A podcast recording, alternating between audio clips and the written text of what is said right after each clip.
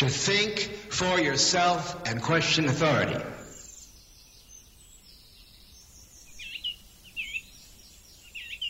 radionafali.com Tak to się nazywa. Hiperprzestrzeń, ja na imię Tomek. Ze mną w tle jest las. Jest kolejny dziki las, tym razem... No właśnie, tym razem inny las. No ale co dużo mówić. Las jest najmniejszym dźwiękiem, jaki... Jaki dzisiaj prawdopodobnie może spotkać moje uszy. Przynajmniej jakoś dzisiaj mam taką leśną historię. Ale ten las się za mną ciągnie od paru dni. Właśnie tak przy okazji rozmowy o tym lesie, o tym dlaczego się ciągnie las i co ja w ogóle chciałem powiedzieć. E, dzisiaj w hiperprzestrzeni, dzisiaj właśnie miało być o wodzie, miało być o kilku innych rzeczach, ale wyszedł zupełnie inny wątek. Także dzisiaj będzie jak zwykle jakiś ciekawy wątek, ale to może za chwilę.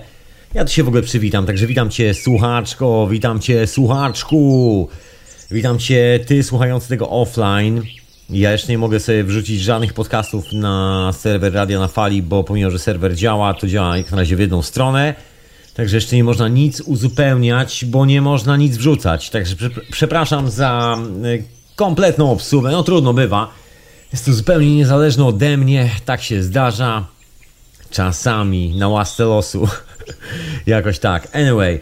Jak się odblokuje, to wszystko będzie działało. Ja zacznę wrzucanie wszystkich tych rzeczy, także wszystkie te zaległości będą do nadrobienia. Zresztą i tak jest ponoć ciepła pogoda, jest ponoć strasznie gorące lato w Polsce, także człowieku, nie siedź tyle w słuchawkach, nie siedź tyle przy komputerze, nie słuchaj tyle, posłuchaj lasu, takiego prawdziwego, idź do lasu i posłuchaj. Właśnie, a co by było gdyby, gdyby, właśnie, bo to jest taki mój troszkę ta, taki temat dzisiaj, bo kontynuuję troszeczkę, ach pewne wątki, które się kręcą dookoła jak zwykle, ale to może za chwilę. Jeszcze dokończę, że oczywiście pozdrawiam Ciebie mecenasko i Ciebie mecenasie wspierający radio na fali Peace and Love. No i jeszcze chciałem powiedzieć, pozdrawiam moich wszystkich zacnych kolegów. Przypominam, że pomimo, że nic nie wrzucam, bo serwer dalej jest e, w połowie działający, w połowie nie, nie można nic powrzucać na te radio na razie, to wszystko, to co się tutaj dzieje, się dalej dzieje. Dzieje się na żywca. Także wpadaj tu na żywca, człowieku. Wpadaj w środę do księcia Edwarda. A co? Wpadaj do mnie w czwartek na 22.30 polskiego czasu, do księcia na 23 polskiego czasu. A w piątek wpadaj do teorii chaosu, a w sobotę, no tak jak dzisiaj, do hiperprzestrzeni. No dobra. To skoro już tu człowieku jesteś, już tu wpadłeś, to ja wreszcie wyjawię, o czym ja w ogóle dzisiaj chcę Ci opowiedzieć, bo w ogóle wątek oczywiście katastroficzny z lekka, no ale wątek jest związany z moim szalonym snem, szaloną senną albo i niesenną wizją potężnych fal uderzających w wybrzeże Anglii. Powagam. Dzisiaj nad ranem miałem taką jazdę, albo gdzieś w środku nocy. Anyway, fale były piękne, były potężne, wyglądało to niesamowicie. Ja w ogóle troszkę tak e, przerzucam tutaj część cennych marzeń, bo dzisiaj nie będzie akurat wieczorowej pory, ja mam dzisiaj troszeczkę jeszcze obowiązków na głowie, także dzisiaj wykorzystuję tą opcję, że taka troszkę swobodna hiperprzestrzeń, znaczy swobodna jak swobodna, żyjemy no właśnie w ciekawych czasach, w których poniekąd niektórzy żyją się swobodnie, a niektórzy słabo swobodnie, a to kwestia czasów, które, które nas dosięgły, o których tu nieustannie mówię, bardzo intrygujących czasów. No właśnie, a propos tej fali, tego nadchodzącego czegoś, to ja dzisiaj o pewnych sprawach, o których tutaj właściwie miałem już dawno powiedzieć i tak ciągnie, ciągnie się ten wątek katastroficznych zmian na świecie, wszystkich rzeczy jak zwykle w radiu na fali, szczególnie w hiperprzestrzeni. I dzisiaj chcę wrócić do pewnego wątku, który jest istotny i jest związany z naszą percepcją rzeczywistości. Dokładnie. Ponieważ świat, w którym żyjemy, taka jest moja opinia, wymusza nas do pewnego stopnia pewną percepcję rzeczywistości. Tak można by to nazwać. Ta percepcja jest niczym innym jak światem, w który ty i ja sobie wierzymy na boku. Znaczy na boku, tak mówię od razu na boczku. No nie tam na boczku. Robią swoje własne życie. To jest ten nasz świat, nasze własne życie. Ty tu sobie, tak sobie siedzisz, tak słuchasz tego, co ja mówię, ja tak sobie siedzę, mówię tutaj, wiem, że ty sobie tam siedzisz, słuchasz i każdy z nas ma swoje własne życie. Poza tym, że wpadamy w jedno i to same miejsce raz na jakiś czas, na przykład to sobotę, to każdy naprawdę ma swoją własną jazdę. Anyway, efekt jest taki, że właśnie tak czy siak tworzymy coś w rodzaju społeczności, pewnych wspólnych zachowań zbiorowych, grupowych. Jak zwykle jest grupa ludzi, która próbuje zagarnąć te zachowania, albo przynajmniej sprowokować jakieś zachowania, które są im bardziej na rękę, albo mniej, żeby z tego wyciągnąć jeszcze więcej, albo coś w tym stylu. Coż to chyba jest, się, doskonale widoczne aktualnie na horyzoncie czegoś, co się nazywa polityką globalną, czy jakoś tak. Polityka, taka dziedzina. To jest takie science fiction troszeczkę. Jeżeli słuchasz tego radia, to myślę, że doskonale znasz moje podejście do polityki, psychologii i kilku innych pseudonauk. Ja to może zostawię, ale tak czy siak dzieje się troszeczkę. Dzieje się i to dzieje się centralnie. Ja tu sobie tak opowiadam tą historię o tym, co się potencjalnie, no nie potencjalnie, bo to właściwie co się, co nas czeka właściwie. Tyle, o. Co ja tu będę się obcyndalał, co ja tu będę owijał w bawełnę. No, czeka nas dosyć mocna zmiana i taka konkretna zmiana. Właśnie tu w ogóle pozdrawiam jeszcze bardzo serdecznie, bo zapomniałem woli tych ogłoszeń. Ja zawsze czegoś muszę zapomnieć, no ale taka jest natura prowadzenia audycji na żywca że hiperprzestrzeń jest oczywiście transmitowana w Radiu Paranormalnym i w Radiu Paranormalnym można ściągnąć ostatnie odcinki hiperprzestrzeni. Tu pozdrawiam serdecznie Iweliosa. Iwelios, love człowieku. I ty słuchaczko i słuchaczu też love. I oczywiście Radio Dreamtime, które retransmituje hiperprzestrzeń. No właśnie. I wracając, wracając do tego mojego wątku, przed nami taka dosyć poważna zmiana i zmiana tyle poważna, że no właśnie, wora cały system, ale jakby zostawmy system z boku, bo normalne jest to, że kiedy przetoczy się wielka fala albo przesuwają się kontynenty, zmienia się kształt tych kontynentów tak dosyć dramatycznie, drastycznie. Niektóre kraje gubią połowo, poważne połacie swojego, już chciałem powiedzieć z angielskiego landu, swojej ziemi, połacie swojej ziemi. Niektóre nowe ziemie się wynurzają z Atlantyku i tak dalej. No więc Generalnie chodzi mi o to, co ma nadejść, czyli te wszystkie trzęsienia ziemi, które właśnie teraz się mocno zaczęły manifestować. Znaczy teraz mocno, teraz jest taki moment. Od jakiegoś czasu się manifestują, ale teraz to już tak konkretnie. No i dookoła tego dzieje się masa rzeczy. Widzimy dziwne zachowania polityków, próby, że tak powiem, przypudrowania sobie noska, zrobienia zasłony dymnej, różnych takich dziwnych operacji. No widać taką klasyczną akcję pod tytułem zaraz zrobi się gorąco, trzeba nawiewać, to zrobimy jakieś wybory, podamy się do dymisji, każdy powód jest dobry, byleby nas nie było w tym miejscu, kiedy sprawy zaczną się dziać już tak całkiem na serio. Do tego momentu trzeba sobie zrobić miękkie lądowanie. Ja myślę, że znakomita część establishmentu uparcie wierzy, naprawdę w to wierzę, przynajmniej ja, że przeżyją ten, e, ten cały jak to powiedzieć, właśnie ten cały, ten cały galimatias, no inaczej chyba, no może to inaczej nazwać, no ale mniejsza o to. Ja to będę nazywał na różne sposoby dzisiaj. No ale jest taki pomysł, że oni przeżyją, że ten system przeżyje i że trzeba zabezpieczyć ten system i są takie pomysły, że tu przerzucą coś tam, tu coś tam, takie troszkę nerwowe ruchy na rynkach finansowych, giełdach i tak dalej. A przynajmniej, przynajmniej taka świadoma, no nie powiem, że odważna, bo co tu, co tu za odwagę, że tak powiem, y, orznąć ludzi z kasy, no ale świadome takie działanie, widoczne mocno w dzisiejszych czasach, że jest, że jest dociskanie na maksa, żeby wykorzystać tą chwilę, bo za chwilę, jak coś łupnie, to przecież wszyscy o tym zapomną, będą się martwić o zupełnie inne sprawy i może wszystkim ujdzie na sucho. Także niektórzy się już podają do dymisji, tam już brytyjska królowa gdzieś tam e, słówkiem pacnęła, że ups, e, masz chyba przygotowany helikopter i że też jest lekko przerażona. No w ogóle generalnie takie scen, sceno, scenografia. Scenografia jest zabawna generalnie, polityczna można tak powiedzieć. Nie wiem jak to brzmi. Scenografia pajaców, którzy myślą, że ustawiają życie innych ludzi. No i mamy takie społeczeństwo podzielone. Chyba coraz bardziej na część, część z jednej, część z drugiej, tak mimowolnie, przez zupełny przypadek, tak zasiedzenia. Jedni po prostu poszli w lewo, robią swoje życie, inni poszli w prawo. Wszyscy dalej są tymi samymi ludźmi, a jednak jakby dwa zupełnie inne światy. No jeden świat oczywiście jak zwykle zajmuje się no niczym innym jak tylko utrwalaniem e, dawno zdobytej władzy ludowej, w tym przypadku z władzy dolara amerykańskiego oraz kurtu, kursu walut i innych takich tam opowieści, dziwnej podejrzanie treści ze świata tak zwanej współczesnej religii, globalnej ekonomii, marketingu. No i to jest jedna część opowieści. Druga część opowieści to oczywiście prawdopodobnie ty, ja, kilku takich ludzi, a może więcej niż kilku, którzy są troszkę z innej strony, którym to na przykład zbrzydło. Jest taki syndrom związany z używaniem substancji psychoaktywnych, szczególnie przy pierwszych tripach, który się zdarza bardzo wielu jegomościom, bardzo wielu podróżniczkom i podróżnikom, że ta pierwsza wizja, ten pierwszy moment, ta pierwsza wyprawa, to coś, co się pierwszego dzieje, no to jest coś takiego zjawiskowego, coś tak pięknego, że kiedy wracają do rzeczywistości, to mają taki ból troszeczkę, że uuu, wrócili w miejsce, gdzie, gdzie już, tak powiem, ptaki nie śpiewają tak pięknie, gdzie sprawy nie wyglądają tak łatwo, gdzie, gdzie funkcjonuje ciężka siła przyciągania i grawitacji. Tak można to nazwać. Generalnie, mówiąc w bardzo wielkim skrócie, odczuwają bóle egzystencjalne związane z ciśnieniem i parciem na przetrwanie w tym jakże egzotycznym systemie zwanym religią ekonomii współczesnej i tak dalej. Las, znowu las. Ja w ogóle dzisiaj jakiś taki leśny jestem troszeczkę. No ale taka sobota, leśna sobota, hiperprzestrzeń, ja na imię Tomek. Właśnie, Skype do radia. radionafali.com Można nawet zadzwonić do tego radia. Dokładnie, radionafali.com na Skype'ie. Ja jestem jeszcze na czacie w ogóle przy tego radiowym, wreszcie tam dotarłem. Bo się troszeczkę zapomniałem. Poznałem wszystkich czatowników tam obecnych. No i lecę troszkę dalej z tym swoim tematem, jak zwykle takie enigmatyczne rozbiegówki, rozmiękłe, rozlazłe. No właśnie, ale wracając do całej tej historii zmian, to ja tak nawiążę troszkę do tego systemu kosmicznego, tym o czym wspominałem, że jest ta sprawa związana z precesją Ziemi, czyli tym, że obraca się troszeczkę inaczej niż powinna.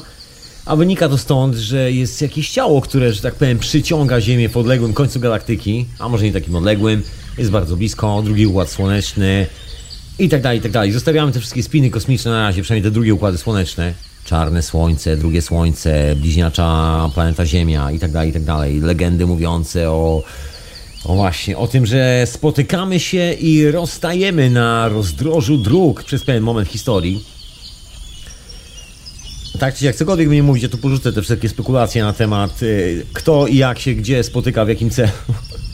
Czy było 12 tysięcy lat temu i kto wybudował piramidy. Chodzi mi o troszkę inną historię. Zostawiam detale na boku. Mianowicie chodzi mi o pewną synchronizację, o to, że jest to system kosmiczny i że to jest kosmiczna synchronizacja i że jedyny tak zwany mind control, czyli kontrola umysłu, to jest właśnie, to jest co? To jest punkt referencyjny naszej cywilizacji. Nic innego. Punkt referencyjny cywilizacji, czyli dokładnie moment, na który wszyscy się zagapiliśmy, albo zagapiamy nieustannie w tym momencie. Czyli masz swoją intencję, zagapiłeś się na tą intencję, albo zagapiłeś się na coś obok, zgubiłeś intencję. Ups! Przepadło, potknąłeś się, uderzyłeś głową w podłogę, przeniosłeś się do innego wymiaru, narodziłeś się na nowo w innym kraju. No właśnie, albo coś w tym stylu. Anyway, chodzi o punkt referencyjny. Dlaczego wspomniałem o tych narodzinach i tak dalej? To proste, bo narodziłeś się w innym kraju, i masz na przykład inny punkt referencyjny, mówisz w innym języku, zapomniałeś swojego poprzedniego życia, zapomniałeś o wielu sprawach. Jeżeli urodziłeś się na przykład w takim Nepalu, albo jakoś tak, albo w Tybecie, akurat w miejscu, gdzie praktykują zjawisko zwane buddyzmem, nie mylić z religią. Nie wiem dlaczego, znaczy wiem dlaczego, no jest to taka piosenka przeszłości można powiedzieć. Tak to jest jak jak biały pojedzie, jak biały protestant, który wierzy w swojego wielkiego Boga, pojedzie gdziekolwiek indziej, gdzie nie ma białych protestantów i zobaczy kogoś, kto spotyka się w dużym e, pomieszczeniu, śpiewa razem wspólne piosenki, no to co powiesz, tamten wyznaje jakiegoś Boga, że to religia, także do nas dotarło to pod pojęciem religia, chociaż buddyzm nie ma nic wspólnego z religią. Dosyć specyficzny pomysł na życie. Bardzo ciekawy. Jest to związane, ach, jak się mówi, z wyzwoleniem, totalnym wyzwoleniem, ale może ja zostawię w ogóle tej masę i meandry meandry buddyzmu. Bo o co mi chodzi? Chodzi mi o wiedzę, o to wszystko, co się dzieje dookoła nas, bo to jest po prostu kosmiczna ustawka i to tak mocno kosmiczna ustawka, tak, że nikt nie ma prawa tej czasami, tak mi się wydaje, po prostu nawet kiwnąć palcem w bucie. Spójrzmy na nas samych. Mózg, y, czyli generalnie nasza intencja, nasza myśl, w cudzysłowie mózg, bo nie chodzi fizycznie o zjawisko mózgu, chociaż poniekąd też – to jest jedna historia i nie wiemy, co się w nim dzieje. Wiemy, że odpowiada za najważniejsze role funkcji naszego organizmu i że jak ktoś cię trzepnie w głowę, to będzie słabo dosyć. Lepiej jakby trzepnął w nogę, bo przynajmniej to można przeżyć. W głowę troszeczkę słabiej. No ale zostawiając te brutalne historie o tym, jak ktoś kogoś trzepnie, mózg stawiam na wyższym miejscu, ale tylko fizycznie, że jest taki łatwy do uszkodzenia niż organizm, bo generalnie jeżeli spojrzymy na medycynę, spojrzymy na naszą cywilizację, na to, czym się martwimy i tak dalej, to właściwie bardziej martwimy się naszym organizmem Mózg, nasze intencje nie są niczym specjalnie istotnym. To jest taki dodatek, można powiedzieć, do całej tej historii. To taki dodatek, który świetnie działa tylko wtedy, kiedy, że tak powiem, materialne aspekty naszego życia są, no nie wiem, niektórzy mówią ogarnięte, niektórzy po prostu powiedzieli, że zadowalające. I don't know, ciężko mi to określić. No ale mniejsza, mniejsza o to. Pierwsza historia to jest właśnie sprawa z podziałem pomiędzy rzeczą niewidoczną, czyli naszą myślą, która steruje wszystkim, oraz organizmem. To są te wszystkie paradoksy na styku medycyny i naszego organizmu, że niekonwencjonalna medycyna rozwiązuje lepiej problemy naszego organizmu niż konwencjonalna i nikt nie potrafi tego wyjaśnić. Nikt nie chce tego wyjaśnić, bo jak się okazuje, medycyna konwencjonalna nie ma za bardzo opcji, żeby robić takie same rzeczy i nie ma też opcji na opatentowanie tego, co robi nam dobrze. Także z dwojga złego, że tak powiem, wybiera opcję tą, że dalej będzie sprzedawała nam leki, które może patentować i dalej będzie zarabiała pieniądze na nas. Albo jakoś tak, jeżeli oczywiście kupujemy laki. No i to jest pierwsza taka ustawka, którą sobie tutaj wymyśliliśmy. Pierwszy nasz punkt referencyjny. Kolejny punkt referencyjny to chociażby no taki właśnie podział na widoczne i niewidoczne.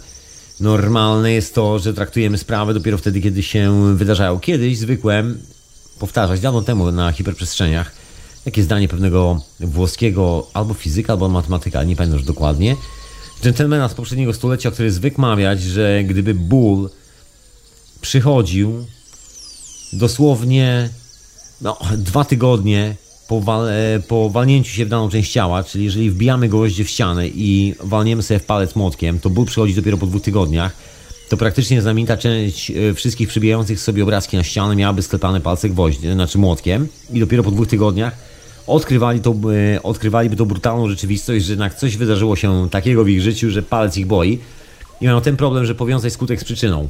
To jest taki właśnie kolejny punkt referencyjny naszej cudownej cywilizacji, że Właściwie oglądamy się tylko na moment, kiedy coś wylatuje w powietrze, a nie zastanawiamy się nad tym, kto przypadkiem podłoży tam ładunki wybuchowe. Przecież nic normalnie nie wybucha w powietrze samo z siebie. Ktoś musi podłożyć ładunki wybuchowe.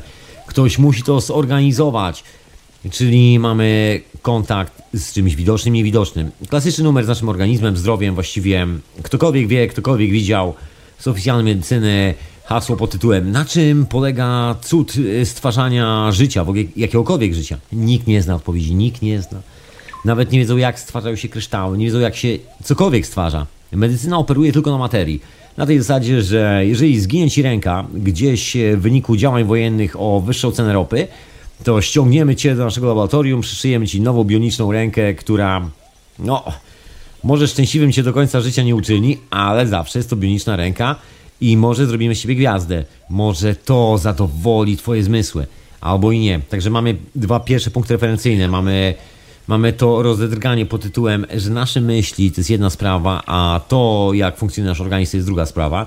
To jest ta tajemnica moim zdaniem chowająca się troszeczkę za tymi cudownie prosperującymi, w sensie ćwiczącymi, biegającymi, uprawiającymi jogging, sporty ekstremalne, cokolwiek, aktywny tryb życia ludźmi, których nagle jest oczywiście zdrowy, jedzący wszystko bardzo zdrowo i tak dalej. Nie to, żebym sam nie jadł niezdrowo, czasami się zdarzy, ale generalnie w miarę jadam ok, także proszę się tutaj nie martwić o moją kuchnię.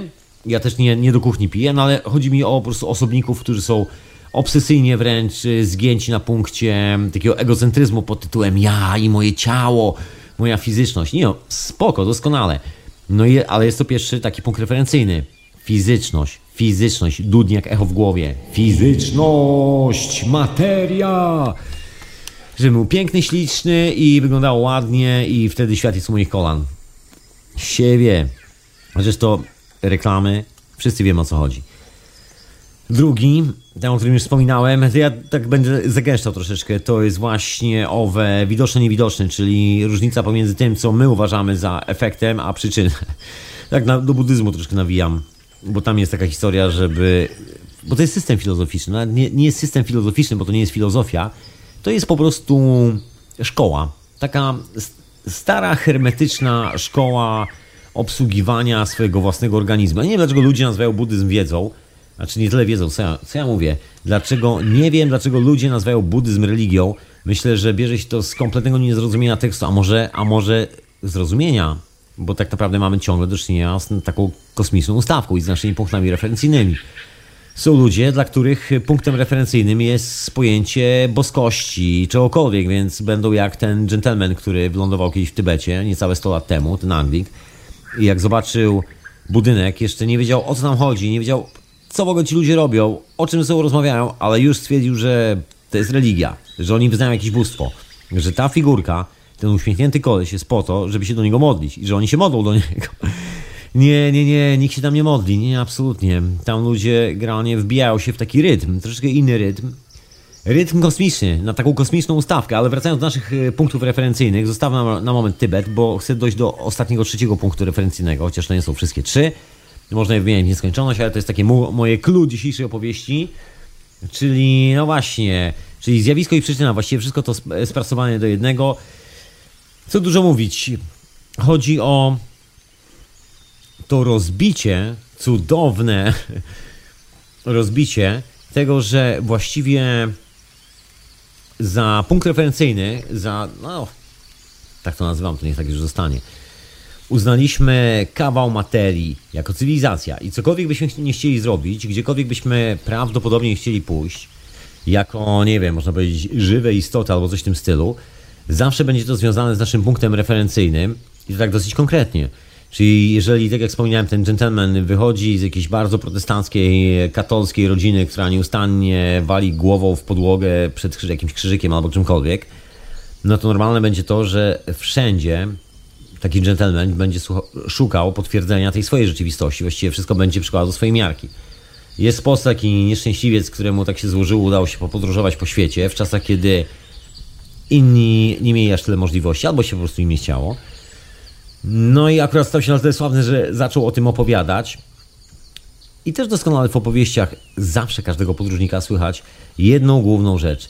Jego własny punkt referencyjny, z którego wyrusza na wyprawę. Każda książka podróżnicza, każdy z nas, nawet jeżeli jedziesz na drugi koniec miasta, spotkać się z kimś, po prostu, zwyczajnie, na kawkę, to i tak jedziesz spotkać się ze swoim punktem referencyjnym. Z tym, co sobie o tym wszystkim myślisz. To jest twoja kosmiczna ustawka zawsze jest kosmiczna, bo żyjemy w kosmosie. Właśnie, dlaczego zacząłem w ogóle od tych kosmicznych ustawek i od tego, że Ziemia jest magnesem do innej planety i tak dalej, i tak dalej, że wszystko się ustawia i że, i że są te punkty referencyjne cywilizacji, o których kiedyś tu wspominałem i teraz jeszcze raz przypominam. Właśnie, o co chodzi z tymi zmianami, bo kiedy Ziemia się ustawi, a właściwie jest w trakcie tego ustawiania, nasze pola grawitacyjne Ziemi, tak troszkę ogólnikowo mówię, jakbyśmy byli małą Ziemią, no ale poczuj się małą Ziemią, dziewczyno i tych chłopaku też, razem z małą Ziemią się poczuć w tym momencie, się ustawia do oryginalnego poziomu. Widziałem sobie ostatnio zdjęcia z satelity NASA, tych wszystkich pól magnetyczno-grawitacyjnych dookoła Ziemi. No i tam jest taka dosyć mocna konkluzja pracowników naukowych na podstawie zdjęć, badań archeologicznych, bo tam się też wykopuje kawałki skał bazaltowe, które zastygają bardzo szybko po tym, jak wylecą z wulkanu i dzięki temu, że szybko zastygają, a mają dużo metalu w sobie.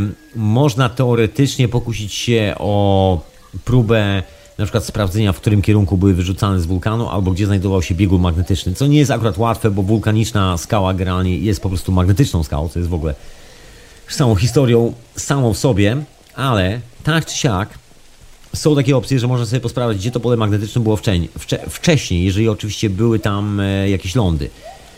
No i się okazuje, że pole magnetyczne ma taką tendencję, że pierw się rozbija, rozjeżdża na kawałki tych, można powiedzieć, takich mikrobiegunów dookoła globusu jest masa, a później jest taki moment, gdzie to wszystko zaczyna się zjeżdżać razem. Historia jest trywialnie prosta. Jeżeli weźmiesz do ręki piłkę i wyobraź sobie, że piłka jest no mokra, jest tak jak ziemia, jest troszkę wody i to jakimś cudem to trzymasz w ręku i jest na tym jak, jakaś nalepka, jakiś po prostu zestaw nalepek, tak jak kontynenty na globusie, i że to wszystko się ślizga troszkę na tej piłce, to trochę jakby zakręcić tą piłkę i niektóre rozsunięcia pomiędzy kontynentami puszczają, bo Ziemia się kręci w swoim własnym kierunku. Siła grawitacyjna jest jaka jest. I normalne będzie to, że kontynenty od pewnego momentu się odpychają, czyli uciekają od siebie, po to, żeby przepłynąć przez wszelkie te, że tak powiem, odmęty historii i połączyć się z powrotem w jeden wielki kontynent i z powrotem, że tak powiem, rozejść się w swoich własnych kierunkach.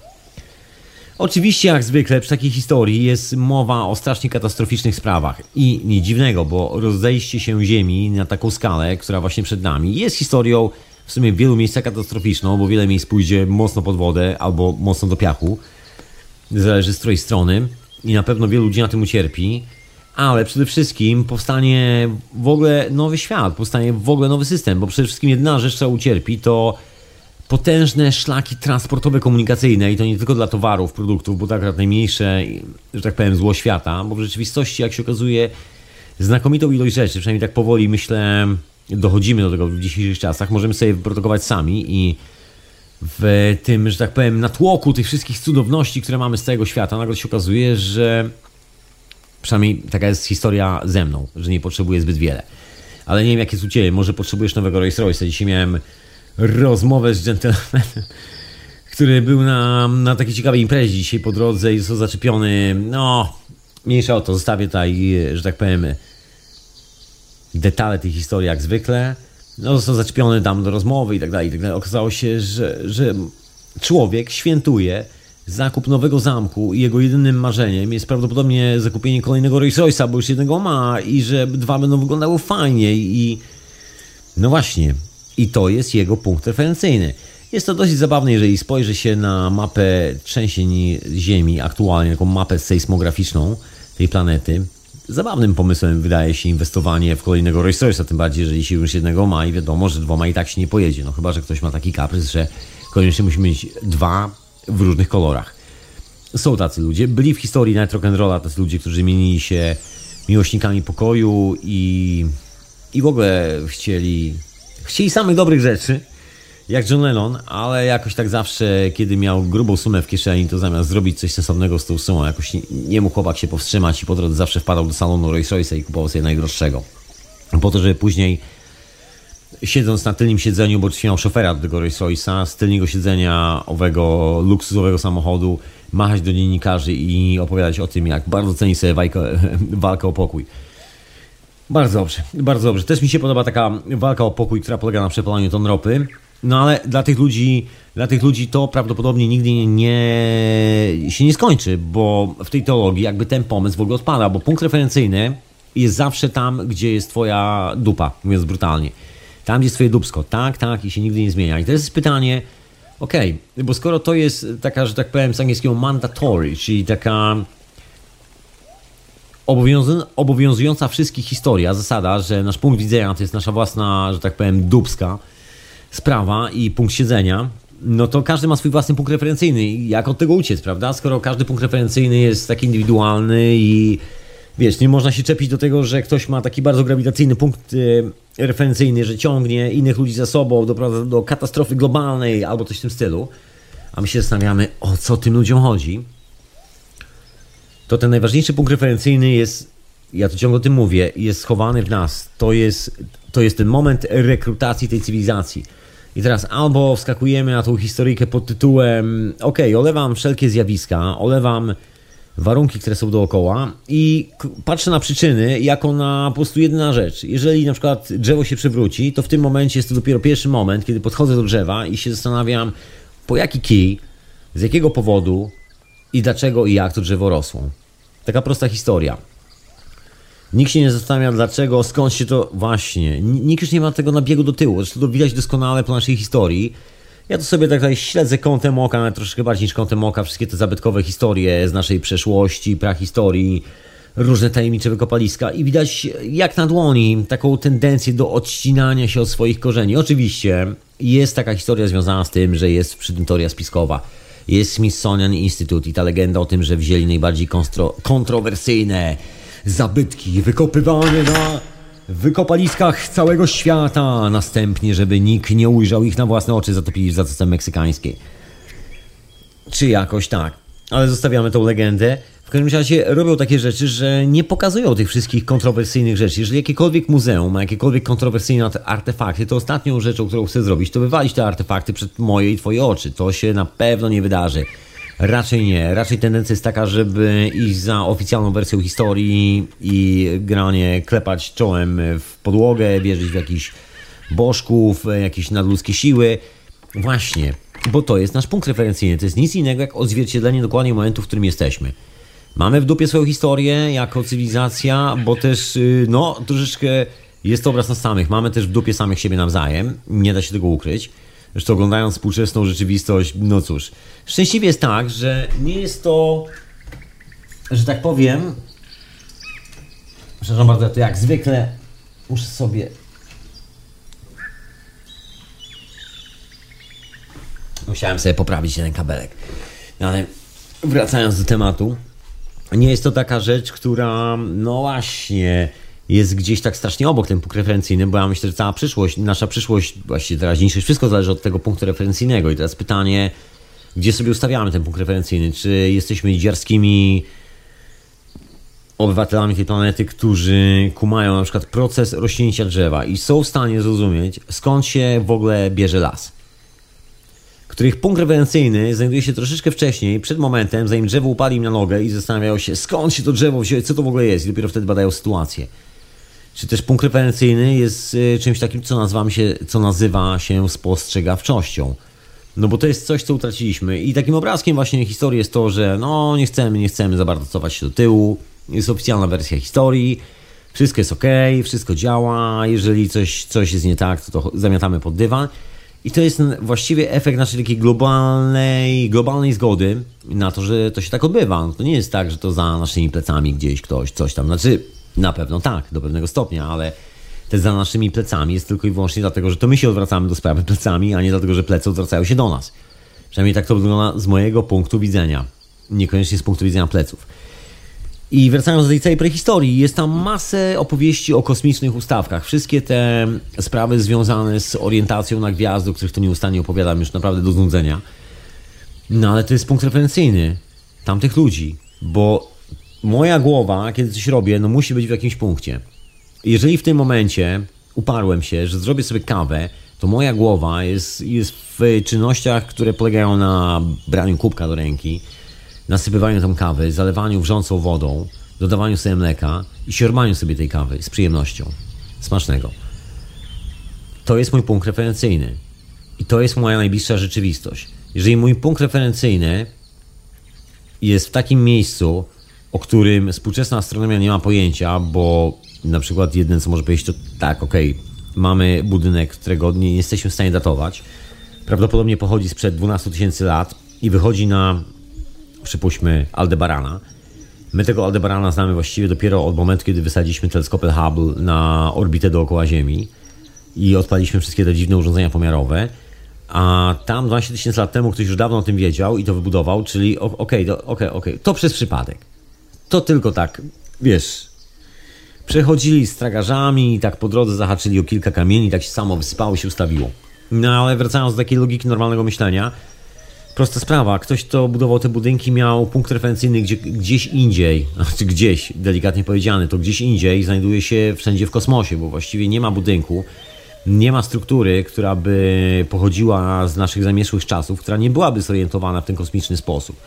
My dzisiaj sobie tak, że tak powiem, klepiąc się dziarsko po plecach, mówiąc, aha, fajna historia, ha, ha, Atlantyda, albo ha, ha, no, jakieś tam e, Królestwo Ur, ha, ha, fajne, egzotyczne, ale, ale wiesz, ale wiesz, e, ewolucja Darwina, wiesz, e, albo coś w tym stylu. Generalnie zawsze jest taki nawrót, taki syndrom troszkę sztokholmski, nawrót niewolnika do tego, żeby być niewolnikiem. Mamy wystarczająco dużo informacji na temat historii świata, żeby zanegować praktycznie wszystko, cokolwiek napisano w jakimkolwiek podręczniku historii, przynajmniej tym oficjalnym, czy chcemy, czy nie, same wykopaliska archeologiczne.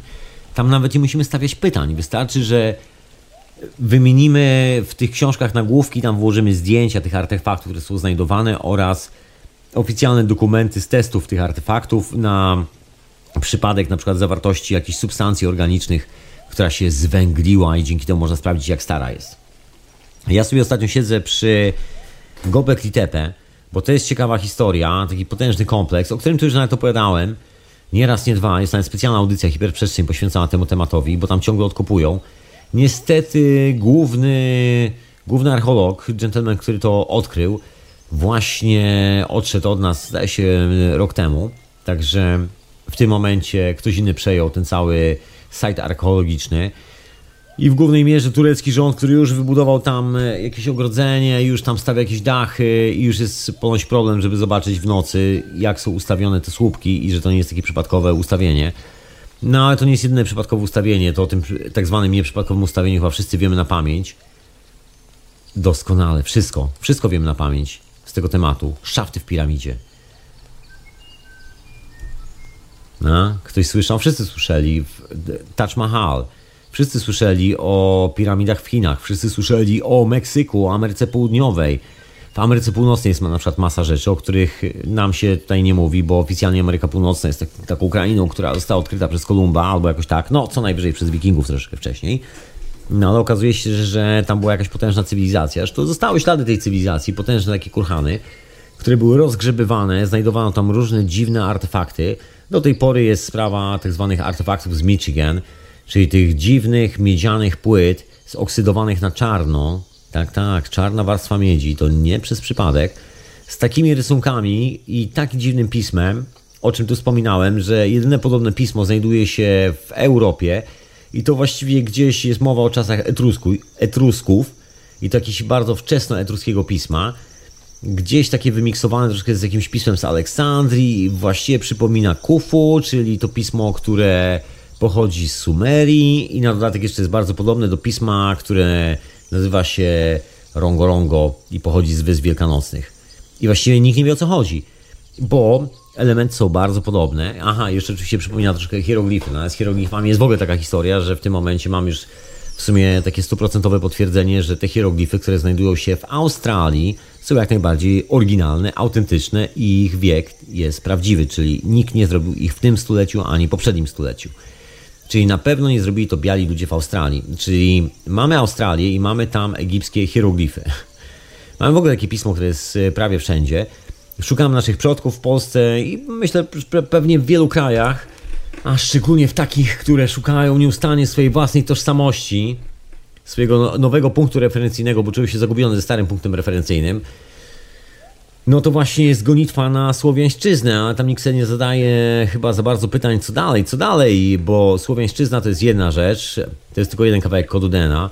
Ostatnio się okazało, że pod kodem RNA, czyli tym niby najstarszym przekazywanym, znajduje się jeszcze starszy kod DNA, znaczy jeszcze starsza sekwencja, o której w ogóle nikt nie miał pojęcia, jest schowana pod RNA, jest taki dodatkowy kod i mamy go tam e, po jakiejś potężnej ilości. Właściwie wygląda na to, że to tam jest ta informacja schowana, a to, co my uznawaliśmy za informację, to troszkę na zasadzie bardziej opakowania i do takiej cienkiej folii dookoła potężnego betonowego budynku wielkości stadionów albo paru stadionów.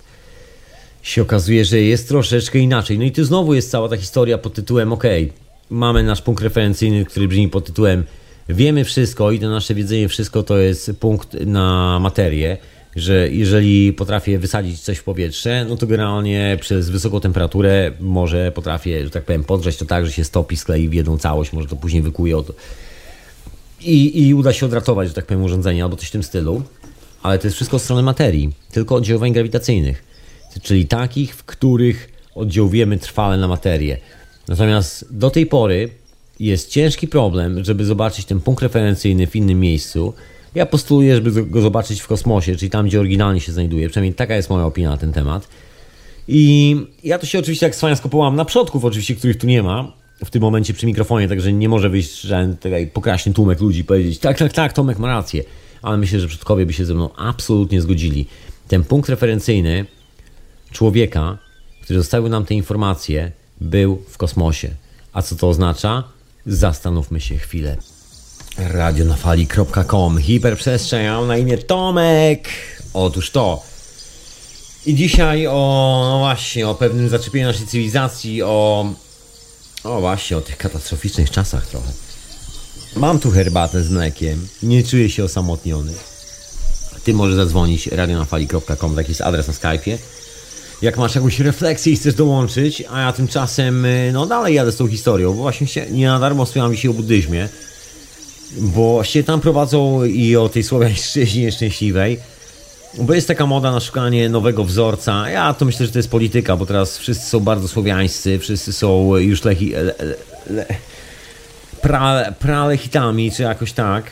Wszystkim już odjechało mocno, ale, ale właśnie, wszyscy, wszyscy ci, którym tak odjeżdża, mają taką, no nie wiem, jaki, jakiś taki lot na identyfikację.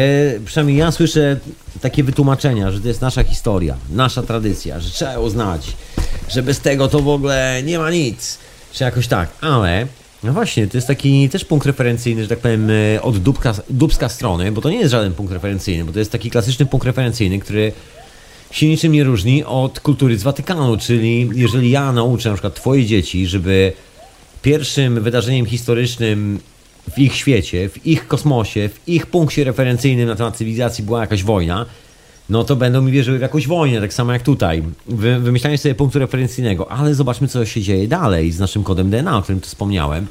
Owym słynnym słowiańskim kodem DNA. Ten słowiański kod DNA nie jest taki słowiański. Znaczy, jak go nazywa Słowianin, to on oczywiście jest prasłowiański. Ale w rzeczywistości ten kod DNA sięga dokładnie na Syberię i na takie miejsce, które się nazywa Mongolia i Tybet. Część Tybetu. Od strony Pakistanu. No i kawałek Indii i tak dalej, i tak dalej. No i tam po drodze mamy Braminów, którzy mają podobny kod genetyczny, właściwie praktycznie taki sam jak my, poza tym, że trochę inny kolor skóry, ale to normalne, inne warunki grawitacyjno-magnetyczne Ziemi w każdym miejscu. One zmieniają warunkowania, nasz kolor skóry i wiele innych rzeczy, nawet kolor oczu. A do tego wrócę tych e, biegunów grawitacyjno-magnetycznych jeszcze dzisiaj. Za sekundę. W każdym razie tam prowadzą nasze ślady, czyli już w tym momencie nie prasłowianie, ale no, bardzo stary naród, bardzo, że, że tak powiem, stara linia krwi. No, to też nie koniec ci bramini. To też nie jest tak, że to się wzięło nie wiadomo skąd i że teraz możemy powiedzieć, że a, bo to jesteśmy starsi od bramin, braminów albo coś takiego, takie wykłócanie się troszeczkę. Szukanie dodatkowego jakiegoś kontekstu kulturowego, jeżeli samemu się straciło swoją własną wiarę w siebie samego.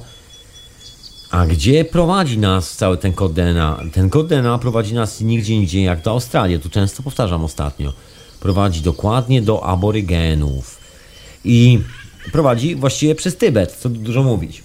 Czyli naszymi starszymi wujkami są, można powiedzieć, mieszkańcy Tybetu, Mongolii, takimi starszymi braćmi to mieszkańcy Syberii, Indii i Pakistanu, no i Iranu.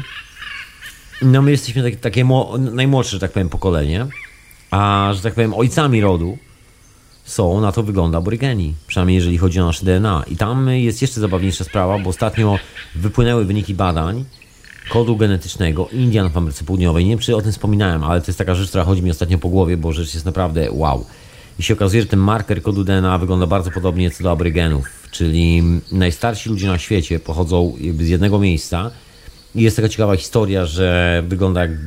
Nie wiem, czy nie mówiłem, nieważne, się powtórzę najwyżej jest najstarszy ród na świecie i jest taki moment w historii, gdzie się rozchodzimy. Oficjalna teoria mówi o wędrówce ludów wzdłuż e, brzegów kontynentów i tak dalej. Okazuje się to, to totalnie bullshitem. Nikt nigdy nie znalazł żadnego potwierdzenia archeologicznego na jakąkolwiek wędrówkę ludów, a wędrówka musiała być potężna.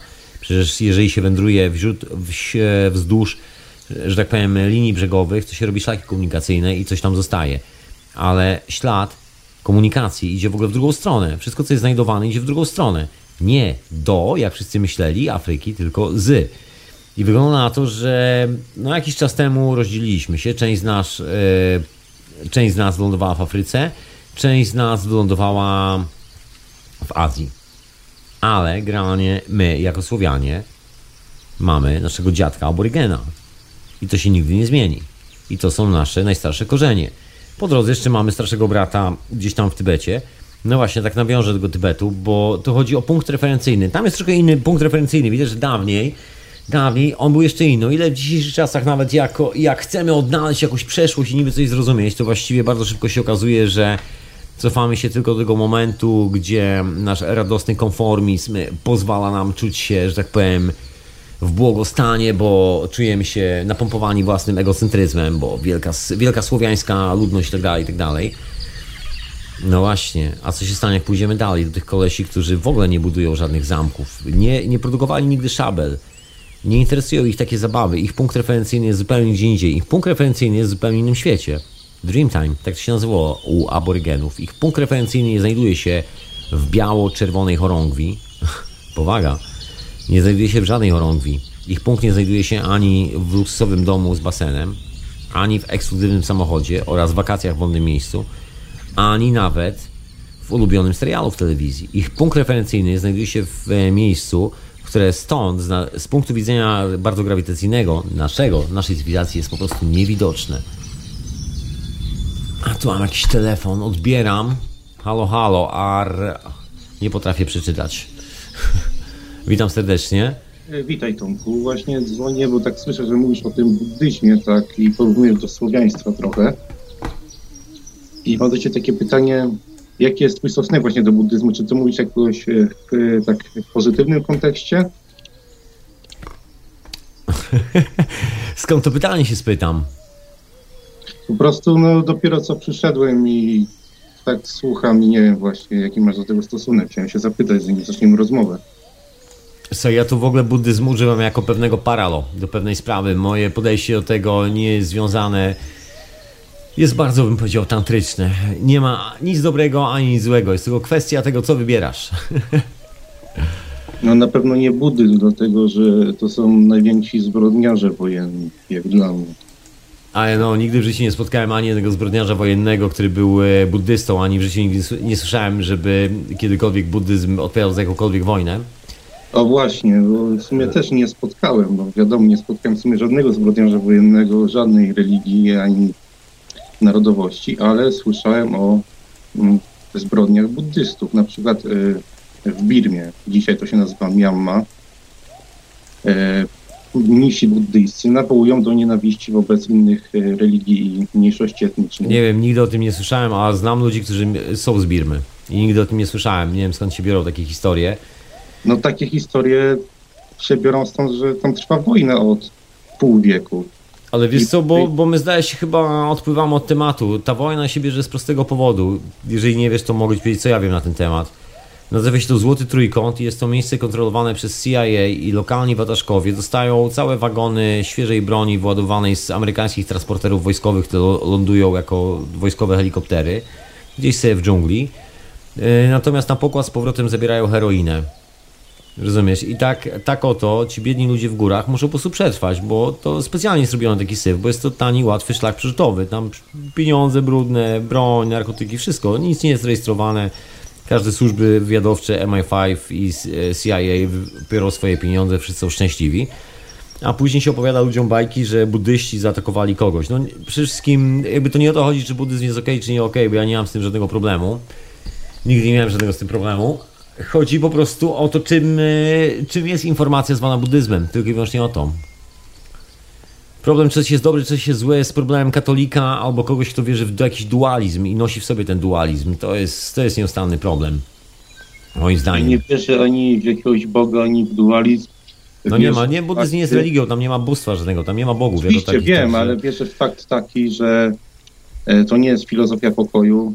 To jest filozofia pokoju, absolutnie. Filozofia zacofania e, i I know, I know. I, ja zdaje się, mogę powiedzieć dokładnie to samo o Watykanie. To no, są... Pewnie, Watykan też jest. Y, Natomiast nie wiem, jakie masz dowody na to, żeby powiedzieć cokolwiek na temat buddyzmu, takiego, co twierdzisz. Nie znam nic na potwierdzenie Twoich słów, przynajmniej ja.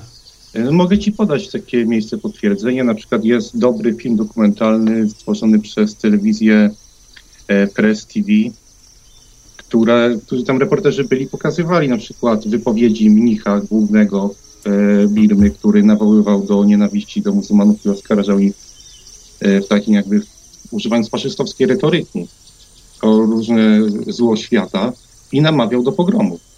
Ale no, nigdy tego nie słyszałem na własne uszy, także zajczyku, nie mam pojęcia, czym mówisz. No, prędzej czy później to sprawdź, no nie musisz... Nie, no spoko, po prostu no, prawda jest taka, że buddyzm nie jest religią inwazy... nie jest religią przede wszystkim, nie jest kulturą inwazyjną i jest ofiarą, no taka jest prawda. To ci ludzie płacą ofiarę, to tam, że tak powiem, lądują wojskowe helikoptery i to tam... E że tak powiem, strzela się im w głowę albo robi taką republikę bananową, że można było przerzucać cały nielegalny towar na świecie, albo przynajmniej połowę.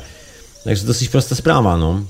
Zrobiono z nich e, na siłę kraj trzeciego świata, który uwalono w ten sposób, żebyś wierzył w to, że jest tak spolaryzowany, że jest pełen konfliktów i żebyś patrzył na to właśnie z, z tego punktu referencyjnego. Ty nie widzisz tam normalnych ludzi, tylko widzisz tam jakiś, e, widzisz w ogóle buddystów, buddystów, którzy walczą. To jest już tak abstrakcyjnym e, pomysłem, że to się w głowie nie mieści bo buddyzm po prostu zakazuje czegoś takiego, jakby dotkryna, bo to jest informacja, do czego ja zmierzam. Bo ja nie, nie zamierzam tutaj się kłócić i mówić czym, e, czy powinieneś lubić buddyzm, czy nie i co ja myślę o twoich rewelacjach na ten temat, bo też mam swoje informacje na ten temat, czym to jest, a czym nie jest.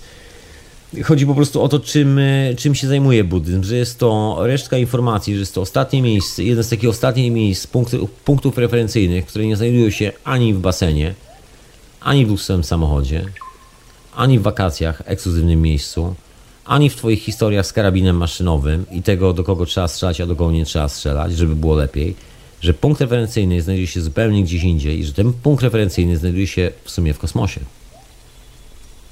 Tadam! I to jest ta różnica pomiędzy naszymi starszymi braćmi a naszym szaleństwem. Dobrze, Co nie znaczy, że ktoś jest lepszy i gorszy. Co do tego, że tam imperializm amerykański rzeczywiście narobił tyle brudu że to jest rzeczywiście. Tylko bardziej- tyle, bardziej jest co, sztuczną- poczekaj, bo my troszkę, troszeczkę, troszeczkę zaczynamy, ja przepraszam, ale bełkotać. Pamiętaj o tym, że Birma i te kraje są okupowane dokładnie od czasów y, wojn opiumowych. Czyli tak ponad 100 lat. Tam nie ma czegoś takiego, że tam w ogóle jest, wiesz, wolny kraj jako taki. Tam nie ma takiej opcji. No dobrze, tylko że mogę. To tak jakbyś, to tak jakbyś e, podawał na przykład, e, na przykład kraju, że słabo się rozwijają, bo na przykład e, palą papierosy na ulicy i rzucają niedopałki i w takim brudzie ciężko jest się rozwijać. Ach, ta Palestyna. Rozumiesz? Ale mogę podać inny przykład. przykład Ale ja nie szukam naprawdę przykładów na, na Tybet, bo Tybet jest, e, Tybet należy do Nepalu jest aktualnie anektowany przez Chiny, także jaki chcesz mi przykład podać? Bo ja naprawdę tutaj nie chcę dyskutować na temat... Tybet był niepodległy przed. y, Oczywiście, że wiem, no ale, ale poczekaj, bo ja nie rozumiem wątku jakby do którego zmierzamy. do tego, że w Tybecie e, był fe- feudalny porządek zbrodniczy, gdzie zwykły człowiek był warty kupę słomy, a taki Buddha, który nic, Buddha, przepraszam, e, Dalai Lama i inni mnisi byli warci tyle złota, ile ważyli. I tam było niewolnictwo dopiero... Ni- Nic mi na ten temat nie wiadomo. Na dopiero temat e, niewolnictwa. Nic mi nie wiadomo na temat niewolnictwa w, w Nepalu, natomiast doskonale znam historię pacyfikowania Nepalu przez e, Czerwoną Armię Chin. Tybetu, jak już, i nie, No, nie a wyzwalania chłopów tybetańskich z A no man, ja- jakby ja nie wiem o czym w ogóle rozmawiałem, ty masz jakąś doktrynę w głowie. Ty myślisz, że jak ktoś przychodzi do ciebie z karabinem, przykłada ci karabin do głowy, wiesz, e, rozstrzeliwuje twoją rodzinę to w kierunku, żeby cię wyzwolił, czyś to szalał człowieku, tak ja ci przeładuję AK-40, wiesz, który ona ma tam numerek, przy czaszce i pociągnę za spust i jak se przemaluję twoją ścianę na czerwono, to co lepiej ci będzie? Jak przemaluję twoim mózgiem? Skąd się takie pomysły biorą? Mnie to zastanawia w ogóle, skąd się... To jest twój punkt referencyjny. To jest jakiś, nie wiem, dla mnie kosmiczny punkt referencyjny, kolego. Wyciągasz A jak wnioski nie- z historii, która nie istnieje troszeczkę, a ja tu w ogóle do czego innego zmierzam, bo ty chcesz mnie wciągnąć w jakąś debatę polityczną, gdzie wiesz, jakaś e, komunistyczna doktryna wyzwala e, inną doktrynę albo biednych chłopów. Człowieku, o czym ty mówisz? A jak e, przedstawiciel kleru lamajskiego, buddyjskiego... Man, nie, zostawmy to, zostawmy to, man, naprawdę, naprawdę, bo ja, ej, ej, sto, wow, wow, wow, man, man, man, man, man, man, man, man, zostawmy to, bo ja naprawdę nie rozmawiam teraz o, o tym, co ty myślisz na ten temat. Ja, Rozumiesz? Jakby, ja też znam historię, ja też znam Tak, historię tak, tego kawałka, wiesz, tego kawałka ziemi, naprawdę nie, nie o tym jest tu mowa, rozumiesz?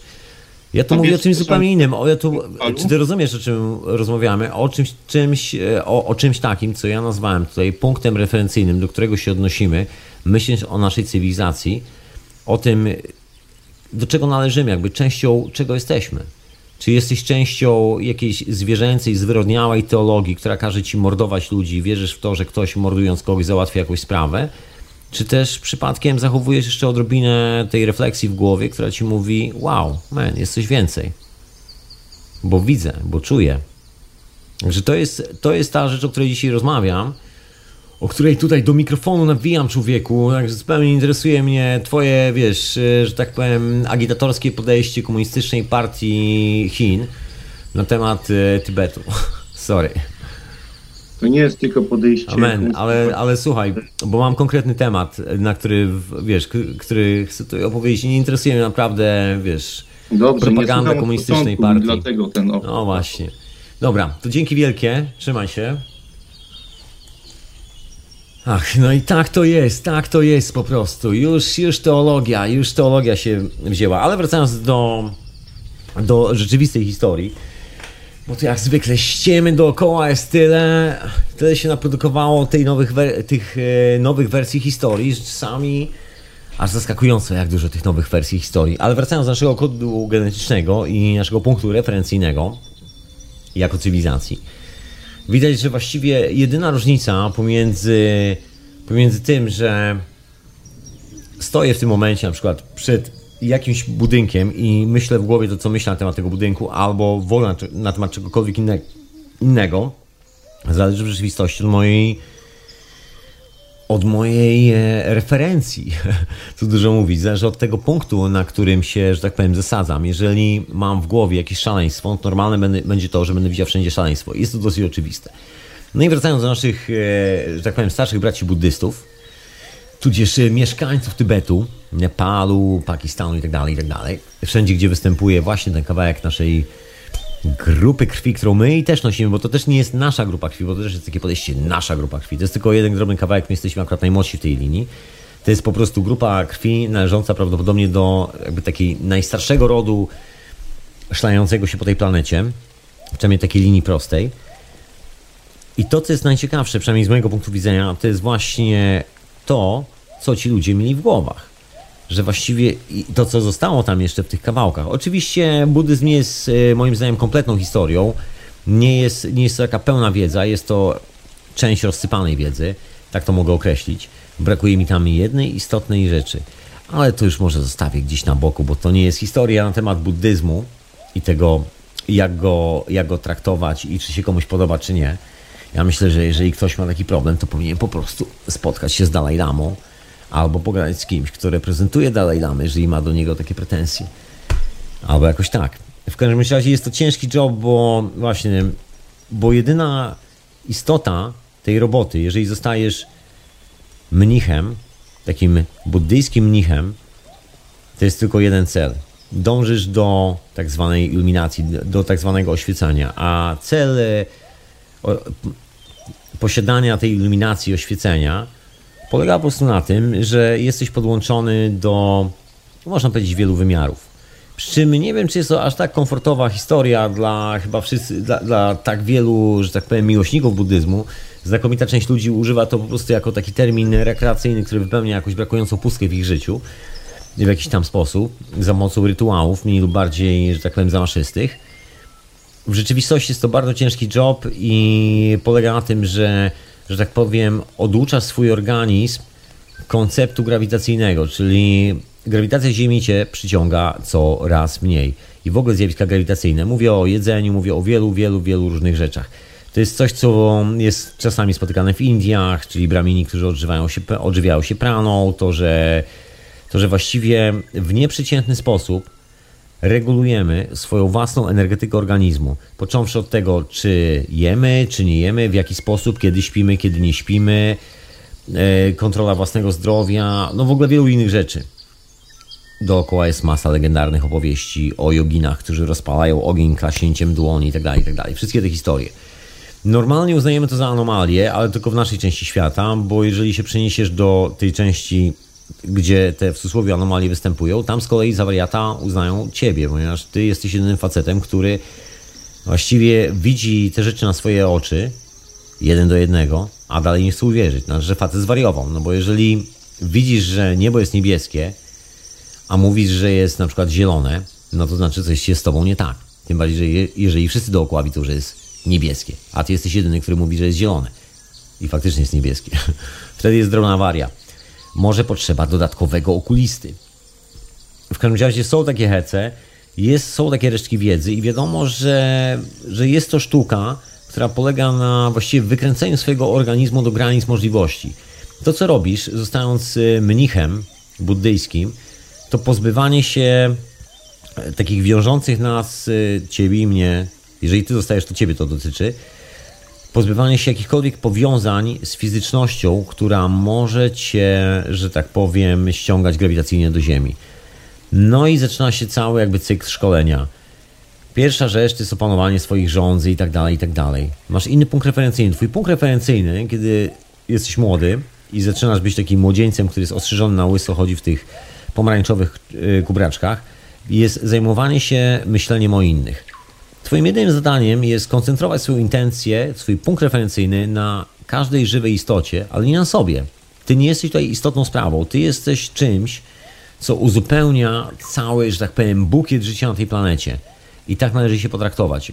Od tej strony. Od strony kolesia, który przychodzi i daje coś od siebie, a nie od strony kolesia, który przychodzi i mówi ej, chcę coś dostać. No więc pierwsze co robisz, to dostajesz nauki, jak pozbawić się tego syndromu oczekiwań w głowie, że ej, chcę coś dostać. Możesz zostać na każdym dowolnym etapie tej edukacji, bo to nie jest żadna religia, to jest e, system edukacyjny, który uczy cię kontrolować swoje własne, no właśnie, nie tylko ciało, swoje własne istnienie, do pewnego stopnia oczywiście. I zależy od ciebie jak dalekiego. Kolejny etap, kiedy stwierdzisz, że chcesz dalej brnąć to wszystko, to zostajesz w klasztorze i na przykład studiujesz zagadnienie szczęścia. Kolejna historia, czyli uczysz się, jak koncentrować swój ładunek, który my tutaj nazywamy w świecie zachodnim emocjami. To jest ładunek energetyczny, energetyki. Uczysz się, jak koncentrować to wszystko w konkretnym celu, który się w tym przypadku, w mojej audycji, w tej hiperprzestrzeni nazywa punktem re referencyjnym, czyli tym miejscem, na którym się skupiasz. No i kolejna rzecz, której się uczysz, to oczywiście jak przejdziesz ten kolejny stan, szczebel edukacji, możesz już, nie wiem, medytować 20 lat, od 8 roku życia, jakoś tak, wcale nie trwa to krótko. Wtedy, jeżeli oczywiście chcesz, jeżeli dalej chcesz podążać to, to drogą, bo to dalej nie jest religia. Ten Buddha to nie jest Bóg, do którego się modlisz. Ten Buddha to jest wyobrażenie ciebie samego, to jesteś ty sam, to jest twoje lustro, lustro twojej osobowości, lustro wszystkiego, co masz, lustro każdej żywej istoty na świecie i ty masz się przeglądać w tym lustrze.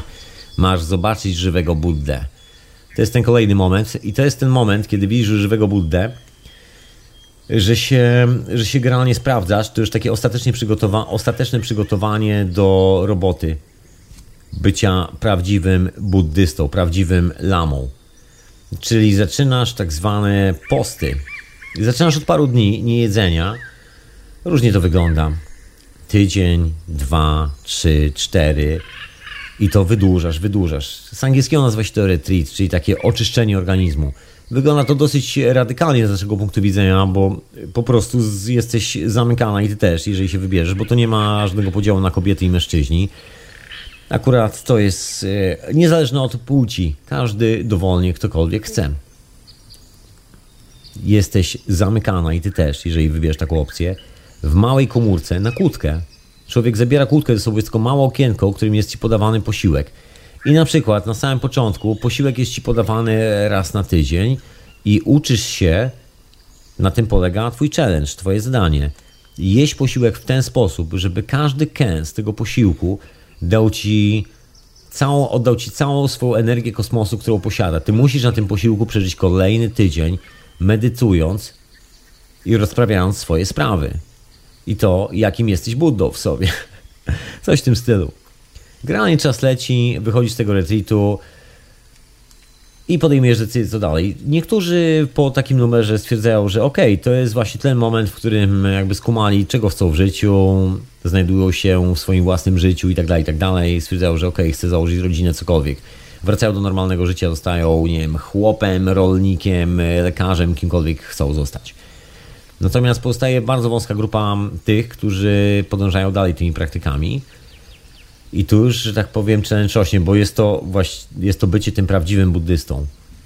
No i dochodzi do momentu, dopóki uczysz się, jak wyłączyć wszelkie funkcje grawitacyjne w swoim organizmie. I to nie w sposób czysto duchowy, bo to nie, nie ma mowy tylko i wyłącznie jakiejś takiej, e, że tak powiem, ezoterycznej duchowości. Nie, nie. Mowa jest o siedmioletnim poście, że praktycznie zamykasz się na na przykład 7 lat i nic nie. I są tacy ludzie w Tybecie. To są ci ludzie, na których Chińczycy bardzo polują z pewnych powodów, a mianowicie takich, że ci ludzie są portalami pomiędzy wymiarami, jak głosi legenda. To ci ludzie odpowiadają za to, że jeżeli pojawia się jakaś wiedza z kosmosu, to oni pomagają tej wiedzy, że tak powiem, propagować po świecie, przez to, że zamykają się w takiej totalnej medytacji, ale takiej naprawdę ekstremalnej. To nie jest istotne, jakby jak się nazywa ta odmiana buddyzmu i tak dalej. Efekt jest za. Efekt, co ja mówię jakby droga finalna i ostatnia robota, którą masz do wykonania, jest zawsze taka sama. Izolujesz się od całego świata, zamykasz się w takiej komórce samodzielnie, bez jedzenia, bez picia i właściwie znikasz na 7 lat. Wyobraź sobie dobrowolnie zamknąć się w celi na 7 lat i medytować? No właśnie, bez niczego. I to jest ten moment, kiedy twój organizm się przełącza na inny stan funkcjonowania. Były robione badania na wschodzie, w Indiach i w kilku miejscach, one są rzadko kiedy robione, bo ci buddyści, ci mnichowie, ci lamowie nie podają się badaniom, bo ich to w ogóle nie interesuje. Oni nie są od tego, żeby cokolwiek udowadniać. Oni robią to z wyższych pobudek. Ich punkt referencyjny znajduje się w kosmosie, także jeżeli ty się zastanawiasz nad tym, żeby komuś coś udowodnić, jakiś słuszny system i jedną prawdziwą drogę, to nawet nie masz pojęcia, czym jest ich punkt referencyjny. Z swojego punktu widzenia nigdy tego nie złapiesz. Ale wracając do ich punktu widzenia, co się dzieje w naszym organizmie przez te 7 lat. Po tych regularnych retreats, e, po tych odwykach, ożywieniach, można powiedzieć, przeczyszczeniach i tak dalej, które są tam robione regularnie przez miesiąc, dwa, nie wiem, parę tygodni i tak dalej. To jest, taka, to jest taki powolny proces przygotowania organizmu do tej długiej wyprawy. I ta długa wyprawa polega na tym, że w przeciągu tych 7 lat połowa naszego jelito, ludzkie jelito, takiego mnicha, który siedzi zamknięty w takim miejscu, się skraca o połowę. Objętość jego żołądka się skraca o połowę. Zmieniają się organy i narządy wewnętrzne człowieka. I to nie jest wcale dowcip. Ludzie o tym y, z reguły nie wiedzą i nie chcą słyszeć, ponieważ, no wiadomo, do, łatwiej to traktować jako legendę, jako coś takiego bardzo ezoterycznego, bo w tym momencie można to wykorzystać jako attachment i, że tak powiem, po prostu pobujać się na fali buddyzmu, co tu dużo mówić. Natomiast finalna robota jest dosyć brutalna, bo pozbawiasz się kompletnie jakiejkolwiek historii z, e, ze swojego, że tak powiem, e, grawitacyjnego życia i przechodzisz w całości na układ sterowany swoją własną energią. Tam się, się nazywa energią chi. Och, jest wiele nazw, nawet nie chcę tutaj specjalnie wymieniać, bo pewnie musiałbym cały słownik tutaj jakiś przytoczyć, bo to w każdym dialekcie trochę inna nazwa. W każdym razie po zmianie wewnętrznej organizmu on się przestawia w taki sposób, że no, dostajesz potężnych mocy umysłowych. Można powiedzieć, że jesteś jak na potężnym tripie. To jest taki moment, jakby ktoś ci załadował, nie wiem, wiadro psylocybiny do głowy i tak centralnie, albo wiadro ayahuaski, albo wiadro LSD. Ale takie wiadro, wiadro. Parę litrów LSD płynnego, dożylnie. I to tak w taki sposób, że zostaje z tobą do końca życia, że już nigdy z tego tripu nie schodzisz. I na tym polega ta historia, że siadasz i odpływasz. I ten stan, w którym się znajdujesz, pozwala ci utrzymać swoje ciało w egzystencji. Ty, ciebie tam nie ma, to jest, to jest tylko jakby kawałek twojego, twojej fizyczności, który sobie tam siedzi w tej jaskini. On nic nie musisz jeść, to jest takie, że tak powiem, zabalsamowane ciało, z którym jesteś połączony jedną nitką, srebrną albo złotą nitką życia. I przez tą nitkę możesz do tego ciała wrócić albo bujać się po kosmosie. I to jest ta jedna cienka linia, która cię łączy z, z Twoim ciałem, tak że możesz do tego wrócić. Jeżeli chcesz przerwać tą linię, chcesz odejść, możesz odejść w każdym momencie. Jeżeli chcesz wrócić, możesz wrócić w każdym momencie. Nie wszystkim się ta sztuczka udaje. Nie jest to tak, że jest to taka łatwa droga. W buddyzmie nie ma żadnej receptury na to, jak osiągnąć stan nirwany. Nie ma czegoś takiego. Jest natomiast historia związana z po prostu ze zbiorem, ze zbiorem obserwacji, bo właściwie w buddyzmie nie ma jako tako zasad. Ciężko nazwać to zasadami. Owszem, jest to opisane jako reguły. Tak to się nazywa, że są to reguły. Nasze tłumaczenie reguły jest to, że zasada. Nie do końca. Reguła to jest reguła, to jest coś, co się sprawdza, niekoniecznie zasada. Zasada to jest coś, co jest powtarzalne w 100%. Reguła natomiast to jest jakby logika. Na przykład, nie wiem, danego zajęcia, czegokolwiek. Więc tam, e, tam się pokazuje reguły i te reguły dotyczą umiejętności obserwacji rzeczywistości. Tym jest buddyzm. I to jest taki sam początek tej historii. Po to, żeby później, nie wiem, w wieku lat 60 dojść do momentu, że potrafisz się odkleić od swojej fizyczności w całości i wylądować sobie na przykład w takiej jaskini, opuszczając swoje ciało na parę lat, ona jest komisyjnie zamknięta, te jaskinie są zalakowane i upieczętowane, tam nikt nie może wchodzić. To jest e, taka największa tajemnica przed Chińczykami, żeby nigdy nie mogli znaleźć tych najważniejszych mników, którzy poświęcili e, całą swoją fizyczność, przeszli w inny stan po to, żeby być cały czas na granicy światów, żeby móc streamować informacje w jedną i w drugą stronę. Czy jest to nam potrzebne do życia, czy nie, jest to już inna sprawa. Nie chcę się zastanawiać nad tym, czy jest to takie ważne, czy nieważne zadanie. Moim zdaniem jest to dosyć istotna rola. Aczkolwiek zabrakło tam jednej, jednej dosyć kluczowej informacji, że warunki do tych podróży można tworzyć na troszkę bardziej zaawansowane albo prostsze sposoby, że niekoniecznie trzeba robić to metodą 60 lat i w ten sposób. No ale to normalna historia, wiedza też się zmienia na przestrzeni lat i też czasami się gubi po drodze, bo zanim ta wiedza oryginalnie dotarła z Australii od aborygenów gdzieś tam y, w okolice Nepalu i Tybetu, to też ten punkt referencyjny się zmienił. Jeżeli cofamy się w dół, po naszym kodzie DNA do naszego pierwotnego punktu referencyjnego, to tak czy siak już jest nieźle w tym Nepalu, w tych wysokich górach, w tym Tybecie i tych okolicach. Ale jeszcze zabawniej robi się, kiedy wylądujemy w Australii. Tamten punkt referencyjny jest już naprawdę, no nie wiem jak to nazwać, taki mega kosmiczny, można kolokwialnie powiedzieć, bo to chyba inaczej się już nie da tego opisać.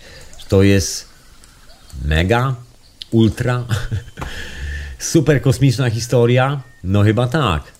Chyba zdecydowanie tak. To co, to jakaś, e, myślę, muzyczka. Ja tu sobie zrobię taki lekki... Co, co tu się stało? O, jak zwykle jakiś problem z nagrywaniem. Mam nadzieję, że ktoś tutaj nagrywa. Ja to zaraz szybko zorganizuję tą historię, bo się okazuje, że czasami i u mnie zdarzały się jakieś awarie systemowe, sprzętowe. No dobra, ale mniejsza o to. Tak czy siak i tak nie mogę wrzucać na razie audycji na serwer radia, także jestem unieruchomiony. I Velios nagrywa, zdaje się, także powinno być wszystko ok. Anyway, zostawmy na moment te dylematy związane z technicznymi aspektami prowadzenia audycji w radiu na fali. I posłuchajmy sobie piosenki, piosenki, skocznej piosenki, a ja wrócę do tego tematu punktu referencyjnego, bo to się wszystko pięknie zazębia, pięknie zazębia. Jeżeli tak już tyle wątków dzisiaj porzucałem, że i katastrofa, i Tybet, i buddyzm, i jacyś kolesie, którzy medytują. To może ja skończę jeszcze o tych mnichach, zanim włączę muzyczkę, ok? Dobra. Bo jest taki numer, że tam jest jakaś po, poważna wiedza schowana za tymi kolesiami. To nie jest tylko tak, że oni sobie siedzą i tam w ogóle sobie medytują. Legendy nie dotykałem, nie sprawdzałem. Może tak to powiedzmy. Legendy mówią o tym, że niektórzy mnisi to tak wytrzymują po 200-300 lat, że właściwie moment, kiedy się przeprowadzasz do tego stanu, kiedy już kon kontrolujesz swoje ciało z zewnątrz, to jest moment, kiedy właściwie śmierć fizyczna jako taka ciebie w ogóle nie obchodzi. I to jest właściwie job, który masz do wykonania. Nikt tam za bardzo nie wie, jak wykonać ten job. Jest tylko zbiór, zbiór reguł związanych z obserwacją rzeczywistości, gdzie i na co zwracać uwagę, jeżeli chcesz do, doznać tego oświecenia, bo na tym to polega to oświecenie, że nagle dostajesz możliwość wchodzenia przez bramkę do innego wymiaru i wychodzenia. Ale jest to związane ze zmianą swojej fizyczności od wewnątrz. Znaczy, z zewnątrz wyglądasz jak taki sam człowiek. Ty tego mnicha nie rozpoznasz na ulicy, że on jest takim kolesiem. Możesz poczuć, ale nie rozpoznać, że on ma na przykład jelito o połowę krótsze, bo on właściwie nie istnieje. On skończył z jedzeniem jakiś czas temu, bo potrafi robić to na poziomie energetycznym, potrafi oddychać praną, potrafi wypić szklankę wody i przyswoić sobie wszelkie możliwe posiłki, które sobie wyobrazi w tym momencie. On potrafi medytować w takim stanie, na przykład miesiąc bez przyjmowania jakiegokolwiek pokarmu, wody, czegokolwiek, albo i dłużej. I są na to świadkowie. To nie jest tak, że to jest wymyślana historia.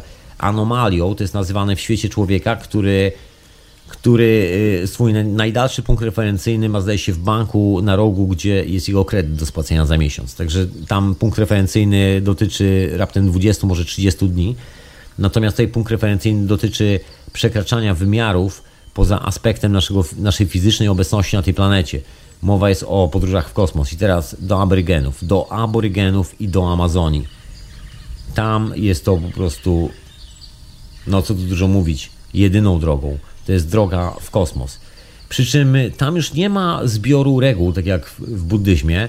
Tam już nie ma że ten punkt referencyjny został gdzieś utracony, że, że potrzeba jakby specjalnych mocy, no i pewnych specjalnych artefaktów, bo też nie będę udawał, że jest pewna. No to też jest oczywiście, można potraktować to jako legendę, albo i nie. To zostawiam tobie na głowie. Opowiem ci pewną historię, zanim włączę tą muzyczkę. No więc nie, do, nie, nie zawsze było tak i ci tacy najbardziej, że tak powiem, zanurzeni w tym śnie lamowie, to nie są tak do końca lamowie zanurzeni w tym śnie tylko i wyłącznie własną pracą swojego własnego umysłu, ale ci lamowie mieli pewnią, pe, pewną pomoc i to taką dużą pomoc.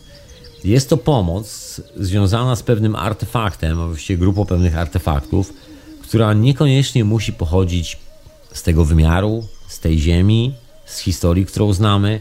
Jest to coś, co no, ja mogę powiedzieć, że ciężko byłoby nazwać, że jest wyprodukowane ludzką ręką w jakikolwiek sposób. I to jest pewien artefakt. Hmm. I to jest niejako tajemnica, podejrzewam, no podejrzewam, że nie tylko ja, owych mnichów, którzy potrafią zatopić się na 200 lat w medytacji, po czym potrafią przywołać się do swojego ciała po tych 200 latach, wrócić do niego i wstać niczym marły, umarły z grobu. I nie jest to nic nowego i nic rewolucyjnego, ponieważ wszystkie te opowieści, o ile w buddyzmie nabierają pewnej formy, bo wiadomo, że, że są pewne kanony i tak dalej, jest to taka już dosyć sformalizowana forma przekazywania informacji. Inaczej to wygląda w sytuacji, gdzie znajdujesz się w buszu, gdzie nie ma rytuałów, nie ma ceremonii, nikt nie buduje świątyń, nikt nie musi się, że tak powiem, układać ze światem zewnętrznym w jakiś niezdrowy sposób, tylko wszystko jest robione naturalnie, bezpośrednio. Czyli podróż w kosmos jest centralnie podróż w kosmos. A ja tu mam e, telefon od słuchacza. Halo, halo, Janusz Anonim As. Halo, halo. Y, Jest mnie słychać? E, je- Jest, jest Ciebie słychać, Panie Januszu Anonim As. Jak samopoczucie? Bardzo dobrze, nie narzekam. A co u ciebie? Doskonale, proszę Pana. Chwila, moment, bo ja nie słyszę za dobrze, sobie muszę zgłosić. Okej, już słychać? Czy już Tak, słychać? teraz już słyszę dobrze, teraz już słyszę dobrze. No właśnie, jaki jest Pana punkt referencyjny? Znaczy, mój punkt refer- referencyjny jest taki, że włączyłem audycję dopiero może z pół godziny temu i słucham, co, co jest mówione tu o tej praktyce buddyjskiej. To jest temat, który mnie swojego czasu dość interesował i tu taka paralela do naszej może kultury jest, yy, bo o ile mi się wyznaje, e, o ile mi się wydaje, to nie uznajesz nauk Jezusa i innych takich, nie? Nie, absolutnie. A y, jej, bo tu mówiłeś o tym, że się misi buddyjscy mają rzekać swoich, y, swojego y, doczesnego stanu posiadania, no nie? I to jest coś dokładnie, co Jezus nakazywał robić swoim uczniom. I, czy, i czy, czemu by to miało być? y, Wiesz, tak, historia z Jezusem to jest jak historia z Kubusiem Puchatkiem albo Harry Potterem troszkę dla mnie. Aha, znaczy no wiesz co, bo jeśli mamy być chronologicznie, nie, to jest ten Stary Testament i yy, Wy- Nowy wy- Testament. wymyślony, Jest, jest, tak. Jezus jest, jest tam pół wieku młodszy od całego buddyzmu. Czy uważasz, że to by było coś, co by mogli zerżnąć od buddyzmu? Słuchaj, buddyzm jest niczym, znaczy nie wiem o czym mówisz jakby w, w kontekście, wiesz, że jest starszy czy młodszy. Znaczy, no starszy jest, no, są księgi, są dowody, nie, i, i się przyjmuje za ten moment stworzenia buddyzmu, że jest jakiś moment, który był 2,5 tysiąca lat temu, podczas gdy chrześcijaństwo ma, się zaczyna tak jak nasz kalendarz, nie? Co, chrześcijaństwo, no nie wiem, chrześcijaństwo zaczyna się, zaczyna się, o la la, zaczyna się w Rzymie przede wszystkim. No, Może zacznijmy od tego, zaczyna się w chrzestem Rzymie. Jezusa, żeby Nie, nie, nie wiem, czy jakiegokolwiek Jezusa, bo o żadnym nie wiadomo. Nigdy taki... Ale możemy o tym mówić jak postaci fikcyjnej, to mi to nie, całkowicie mi to nie Wiesz, no- przeszkadza. no, z- są zaczyna się w Rzymie, jakby zaczyna tak, cała- Taką, taką, a taką mamy oś czasu, na której są pewne wydarzenia. Za To jest taki przerażający Na naszym punkt. kalendarzu uznajemy Tak, tak, to jest taki- zerowy, tak, i potem za, i 30 i potem mamy, nie? To Wiemy, jest że- jakiś taki, wiesz, e, dziwny punkt referencyjny, który polega na tym, że przychodzi jakieś bóstwo i mówi ci na przykład, że musisz poświęcić jakąś żywą istotę i zjeść ją, upiec ją i złożyć z niej ofiarę. No dobrze, ale I musisz ją zjeść, w tym znaczy- momencie pozbawiasz się, pozbawiasz się swoich rzeczywistych mocy, bo w tym momencie jakby zabijając Ale- i zjadając żywą czekaj, istotę, czekaj, poczekaj, ale daj czekaj. mi skończyć. No, Zjadając za namową jakiegoś demona, jakiegoś, wiesz, demonicznego, nie wiadomo czego, zabijasz żywą istotę i ją zjadasz. W tym momencie automatycznie tracisz kontakt ze swoim e, jakby polem informacyjnym, w którym przyjmujesz informacje, bo przyjmujesz jakby ładunek grawitacyjny z drugiej żywej istoty, który nie jest przeznaczony dla ciebie. To jest troszeczkę tak, jakbyś sobie założył taki plecak, który waży 5 ton z kamieniami dobrze, na plecy i próbował iść z tym że plecakiem. buddyści nie jedzą mięsa? No jak, no nie jesz mięsa. Jak nie? Jak przecież nawet współczesny Dalaj Lama mówi, że jest mnichem, ale nie jest wegetarianinem. Je mięso, ale jest Ale to jest, wiesz co, albo, bo my tu, ja obawiam się, że próbujesz mnie ustawić w roli kogoś, kto będzie bronił buddyzm, a ty będziesz Ale przykład nie, nie, nie, albo atakował, nie albo... zmierzam, ale to są fakty, fakty, które są nie tylko mi, ale są Ale, ale, znane. ale słyszysz, czym ja mówię, że bu- buddyzm jest pewną lekcją, pewną nauką i Tak. końcem tej nauki jest to, że wykonujesz bardzo specyficzny job. Jeżeli chcesz Tak, wykonać ten dlaczego- specyficzny job, Co mnie tu zainteresowało w tym, co mówiłeś. Jeżeli że chcesz tego wykonać- poczekaj, jeżeli- mówiłeś pewne, pewne rzeczy na temat tych nawyków żywieniowych i tego, Jeżeli e, chcesz co robią wykonać ten job, to jeżeli chcesz wykonać ten job, który jest, dla którego ćwiczysz, wiesz, te parę lat zmieniasz swoje ciało, swój organizm, to nie możesz jeść mięsa, a Dalai Lama jakby jest tylko i wyłącznie głosem. To, to nie jest osoba, która reprezentuje buddyzm, to jest tylko jakby głos społeczności, nic więcej. On, e, Nie, ale przecież to jest jak papież, to jest głowa nie, nie, tego nie, nie, kościoła, on nie jest, jeśli to, to nie tak jest kościół, to, nie- ona nie jest To głową jest, kościoła. To, to jest, jeśli mamy być ściśli, to Ale jest ona nie jest, ale men, ale, ale nie, to nie jest, ale to nie jest, ale ty wiesz kim jest Buddha? Buddha to jesteś ty. Nie, no bo Buddha to nie jest Bóg, nie ma czegoś takiego jak Bóg. Nie- nie ma- nie ma czegoś takiego. Buddha to jest- historyczna, jeśli chcesz się kłócić o to, że jest postacią fikcyjną, Bo- ci nie broni. Tak może być, wiesz, tak prawdopodobnie e, jest. wiesz, Ale Buddha jest ponad wszelką wątpliwość postacią historyczną. Wiesz co, bo opieramy się, opieramy jest się na... udokumentowane. I teraz Ale to nie jest Lama poczekaj, bo...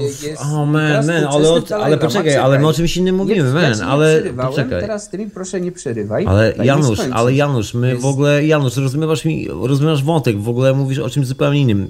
Ja ci ciągle mówię, dlaczego, dlaczego mówisz, że na przykład Dalai Lama mówi o tym, że jedzenie mięsa. Ja ci mówię o czymś zupełnie innym. Dalai Lama nie robi tej roboty, rozmawiamy o konkretnej sprawie, trzymajmy się tematu. No, Ale tak samo Rozumiesz? jest mnichem. Dalai Lama- tak, nie, tak nie, nie, absolutnie. mnichem, Dalai Lama nie- Mnich, który był w każdej jednej świątyni. Ale ty, ale jak założysz te szaty, pójdziesz na miesiąc do, do świątyni, to też jest, jesteś mnichem.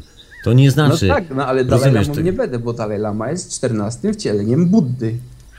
Ale Buddha jest tylko fo, jest, jest instytucją, rozumiesz? To jest, Ale nie, to jest wcielenie postać jakby... historyczna i wy, oni Ale no, to wierzą, dla ciebie że jest- ona się wciela powtórnie i powtórnie i powtórnie. Tak, że nie osiąga nirwany. I- i co z tego stanu, wynika? Okej, jest okej, człowiek okej, ale ja to wszystko wiem. I co z tego wynika? kolejnych wcieleń, tylko ciągle wraca, żeby nauczać. Okej, dobra, no wiem to od chyba 25 lat, także, ale co z tego wynika? Jaka jest No twoja to konkluzja? zastosujcie proszę tą wiedzę i Ale, ale, ale jaka jest twoja konkluzja? Znaczy nie, bo to jest coś, o, czym dalej chciałem mówić, o tej diecie tych mnichów buddyjskich, nie? Bo mówisz, że oni y, spożywają mało i przez to, że spożywają mało, są w stanie wchłonąć całą informację z, tej, z tego pokarmu swojego, tak? No to dokładnie powiedziałem. Dobrze, a teraz chcę się odnieść do czego, do czegoś, Ale powiedziałem, było- poczekaj, czekaj, ale, ale o, po- poproszę tylko do odnoszenia się do konkretnych rzeczy. Mówimy o Tak, się buddystach. teraz odniosę do bardzo konkretnej rzeczy. Mówimy o, Słuchacze, mówimy, o buddy, mówimy o ludziach, którzy podejmują się wykonania swojej roboty, nie ludziach, którzy Tak, wyszli tak. do, do mm, na przykład takiego miejsca, żeby sobie odpocząć, pomedytować przez parę lat, wiesz, Ale nauczyć no, się mów- szczęśliwości, tylko O tych, o tych hardkorowych. Mówię o tych kolesiach, którzy hardkorowych podej- mnichach, dokładnie, podejmują tą decyzję. Tylko mniszeniem w klasztorze, tak? nie, oni nawet nie są w klasztorze, oni, ich nie no ma w dobrze, niech klasztorach. będą poza ciałem w planie astralnym gdziekolwiek. Nie, oni, oni jest- widzisz, widzisz, ale oni nie są właśnie w planie, aust- widzisz, oni są w jaskiniach, słuchaj, w górach, to są specjalne jaskinie. No dobrze, bo- nie, to jest mało ważne, gdzie są, wiemy co robią, tak? To jest mało ważne, w jakiej oni są konkretnej lokalizacji, pod jakim adresem No i pocztowym. Teraz, do no czego się jest chce odnieść? A istotne. Propos tej diety, bo mówisz, przez to, że oni spożywają mało, potrafią lepiej, lepiej wchłonąć tą cał, całkowicie pochłonąć tą informację zawartą w tym pokarmie, tak? No, Tak, dobra, teraz patrz. y, W stosunku do tego, co ostatnio mówiłeś, a kilka audycji temu mówiłeś, że nie jesz nic. Teraz znowu mówisz, że się odżywiasz dobrze. To jak to jest? To nie umiałeś wchłonąć całej... To, to o co chodzi? Nie, no, czekaj, bo ty łapiesz mnie za słówka, chyba nie zrozumiałeś te, tego, tej, tej rzeczy, o której ja mówię, kompletnie. No tak, ale bo, bo teraz... poczekaj, ja mówię, że ja nie teraz, rozum- jakie, jakie by było twoje osobiste doświadczenie z tym? Rozumiesz? Patrz, bo mówiłeś w tej audycji... O czym my rozmawiamy? O czym rozmawiamy? O czym rozmawiamy? Proszę cię, nie przerywaj mi. Ja ci nie przerywałem. Nie, spoko, I, tylko powiedz mi, w o czym tamtej rozmawiamy. audycji mówiłeś, że woda, którą pijemy, jest całkowicie inną wodą od tej wody, która jest w naszym organizmie. I pokarm, który spożywamy, w żadnym stopniu się nie wchłania, tak? A oni są w stanie wchłonąć z tego pokarmu. I jaka jest twoja konkluzja? No, jeśli chcę, żeby się do tego tu ust- ustosunkował. Znaczy, ja- jak to, że przecież, jasno powiedziałem, przecież jasno powiedziałem, czego chcesz. Znaczy, No to nie proszę mam ci dyplom wypełnić, mam ci coś no. napisać, Bo nie wiesz. słuchałem całej audycji, tylko teraz tego ostatniego, no teraz już 400 minut. Ja, ja nie wiem, e, ja nie, nie wiem, co cię, c- nie rozumiem, nie rozumiem, do czego mam się odnosić, jak, w jaki sposób. No do tego, w jaki sposób misi osiągają sukces, tak, spożywając i pochłaniając całkowicie pokarm, a ty na przykład jako magrawista i e, tu ktoś, kto korzysta z technologii Kesy, nie potrafi tego osiągnąć. To znaczy, że jakbyś poszedł do klasztoru, nauczyliby cię Stary, stary, co ty w ogóle mówisz? No, Nie, no, bo, to, znaczy- bo ja nie, nie rozumiem, znaczy... Nie rozumiem, znaczy byłeś No ze mną, słuchaj, to spędziłeś... Poczekaj, czekaj, czy ty spędziłeś, kolego, man, no naprawdę, ej, ej, ej, ej, czy mama mnie nauczyła kultury? Ale Słuchaj, czy, czy ja ale... używam... Man, czy, ma- czy ja mogę skończyć? Proszę, mów. Czy ty spędziłeś ze mną na przykład ostatni tydzień, żeby widzieć, ile na przykład rzeczy zjadłem? Skąd się na przykład w tobie bierze taki punkt referencyjny, że dzwonisz do mnie i próbujesz, wiesz, postawić e, mnie, w, wiesz, w postaci, nie wiem, do konta dosłownie, ad persona, bo ja na przykład coś powiedziałem i tobie się to nie podoba. Ja polecam ci, zbuduj sobie magrawa i zobaczysz, co się będzie działo z jedzeniem w twoim życiu. Nie, znaczy, I przestań pieprzyć bzdury, naprawdę, bo dzieją się dokładnie, łapiesz... praktykę, ale łapiesz... o co mi chodzi, to że użyłeś takiego całkowitego stwierdzenia, ja nie jem nic w ogóle. A tak? nie, tego nie użyłem, ale, ale, może, wiesz, no, ale ja tego nie powiedziałem. Nie wiem, nie, wiem sko, nie wiem skąd to wyjąłeś. Gdzieś z kontekstu wyrwałeś. Nie wyjąłem tego z kontekstu, nawet gdybym teraz. Wyjąłeś, wiesz co, naprawdę, człowieku, wyjąłeś z tego kontekstu. Ale zobacz, dzwonisz do mnie, co ty masz w głowie, stary? Zobacz, zobacz jaki jest punkt no referencyjny naszej cywilizacji. No właśnie, no to men, no stary. No men, men, men, no to już, no to już chyba jasno o co chodzi po prostu. Także panu dziękujemy. Jak zwykle klasyczny trolling, klasyczny trolling. No cóż. Halo, halo. Halo, halo. Och. Myślę, że i tam też zgasło. No i coś mikrofonu, niczego nie słychać i bardzo dobrze. No mniejsza o to, wracamy, bo widzę, że, że dżentelmeni chyba nie za bardzo łapią o co chodzi. Tak czasami bywam. Michał, Michale, witam serdecznie. No cześć, kurczę, jaki bagan. Aj, no. No i dobra, ja od siebie coś dodam. Z kulturą. Yy, otóż wspomniałeś o tym, że ci buddyści doznają takiego wejścia w kosmos, prawda? Mhm. No i tak zauważyłem aluzję tego do, yy, do tego, o czym ostatnio zaczął mówić pan Kesze. Dobrze nam obydwu znany. No i właściwie Kesze mówi to troszkę od bardziej takiej technicznej, wiesz, strony, a tam, tam ci znowu opowiadają to od takiego dłuższego procesu.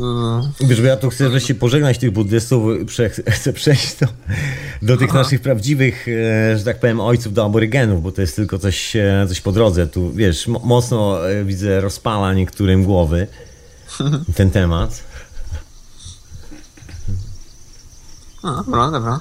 Okej, okay, słuchaj, to ja może po prostu przejdę i za, no. zapraszam na telefon, po, jak wyrzucę tych aborygenów do końca, myślę, to zamknę jakąś klamrę i zapraszam do telefonu ponownie. No, ja nie przerywam. Przerywam się do odsłuch. Dzięki. Dzięki. I wrócę, i wrócę do tych aborygenów. To tak, to, to zanim, zanim może wrócę do tych aborygenów, bo to właśnie na sam koniec, jakby sklejenie tych wszystkich rzeczy. No właśnie, już wyskoczyła technologia cache, już wyskoczyła.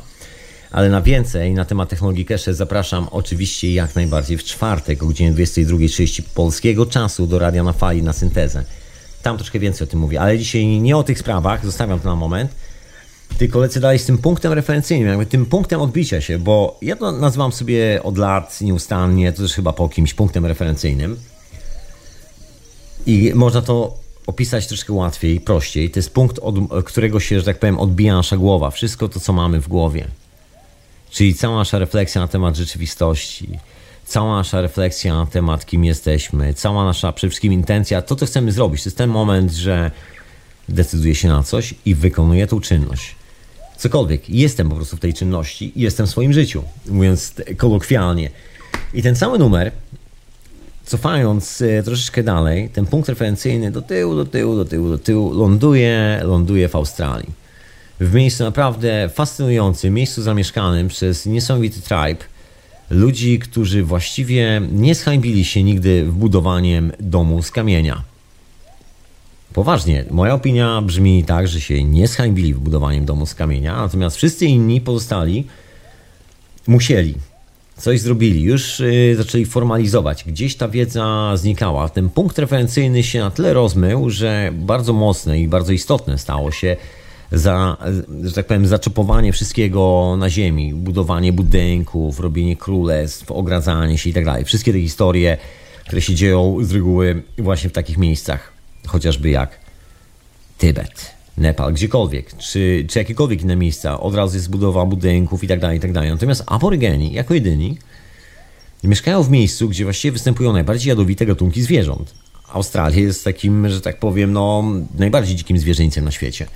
Nawet Amazonia dżungla, amazońska dżungla się tam nie kłania za bardzo do, do tego, żeby jej dorównać. Tam nawet robaki są takie, że jak ci ugryzą, to po prostu schodzisz. No i dowcip polega na tym, że ci dżentelmeni potrafią sobie spokojnie funkcjonować w, w takim e, dla nas otoczeniu zupełnie, że tak powiem, nieprzewidywalnym, zupełnie nie do, nie do przejścia i nic, tak, nic ich tam nie gryzie, nic ich nie wykańcza. Funkcjonowali tam tysiące lat. Jedyną osobą, która ich wykończyła, był dziki biały człowiek, który przybył ze swoimi, że tak powiem, wierzeniami, swoim punktem referencyjnym, który brzmiał, że niebo znajduje się, ale dopiero wtedy, jak niewolniku zdechniesz, pracując dla mnie. I na tym dokładnie to wszystko polegało. Także, no, ciekawa historia, ciekawa. No ale wracając do punktu referencyjnego, który występuje u aborygenów, to ten punkt nazywa się właśnie Dreamtime. To jest ten moment, kiedy po spożyciu na przykład odpowiedniej ilości liści akacji albo wywaru z tych liści akacji, albo właściwie bardziej miodu z dzikich pszczół, które jest zbierane właśnie z kwiatów owej akacji, która zawiera na przykład m.in. dainetometotrzyptaminę. W Australii znajduje się bardzo dużo krzewów akacji. Akacja jest w ogóle takim narodowym drzewem Australii. I jak na ironię, jeżeli mieszkasz w Australii, to, to już pakuj, się do samochodu, jedziesz w bush. Nie żartuję, może nie jedziesz. W Australii masa krzewów, które rośnie, masa tych akacji, specyficznych gatunków, ja nie będę mówił jakie, zawiera potężne ilości dinetometotryptaminy, czyli DMT, czyli dokładnie tego samego, co znajduje się w ayahuasce. No i tu w ogóle jest takie bardzo ciekawe paralo, bo właściwie aborygeni podróżują po wszelkich możliwych wymiarach, nie używając ani ashramów, ani budynków, budynków, ani nie zbierając nic, ani nie muszą wybierać swojego przedstawiciela pod tytułem, nie wiem, Dalai Lama, ani muszą się układać, że tak powiem, z nikim. One po prostu funkcjonują po swojemu, znaczy nie muszą się układać. No są pacyfikowani przez tą białą kulturę, jak są, no ale trudno, bywa.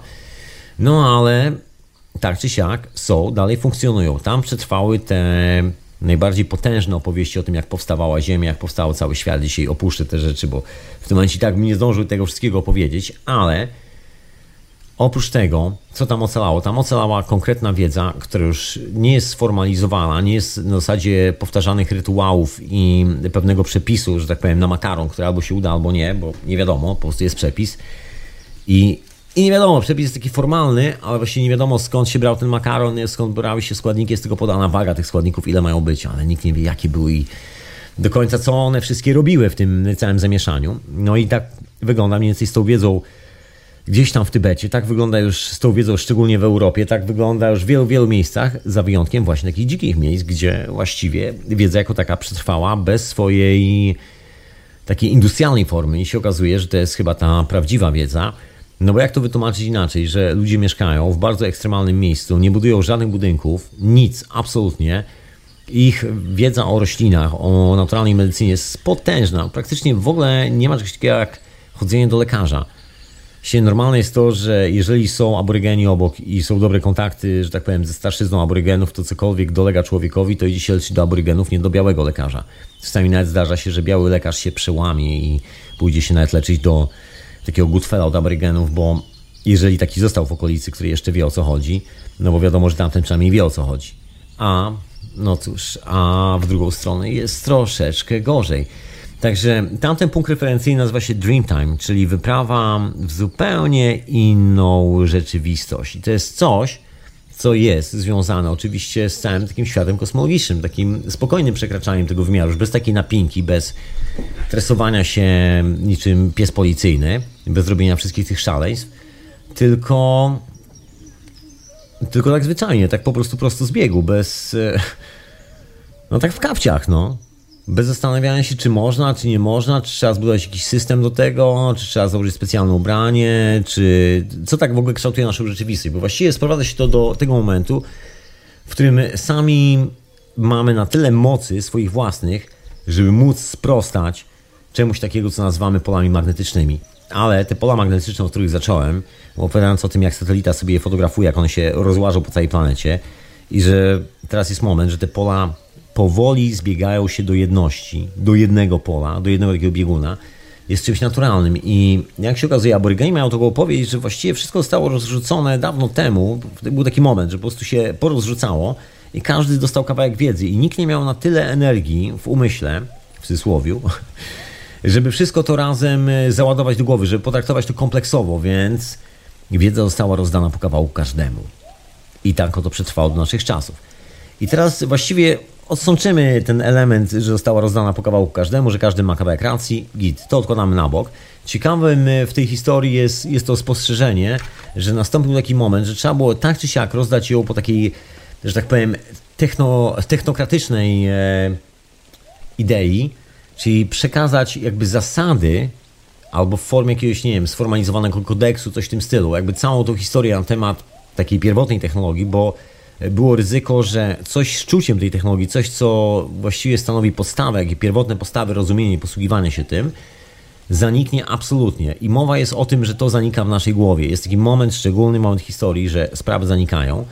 I fajną rzeczą jest to, że jest też taki moment w historii, że sprawy po prostu wracają.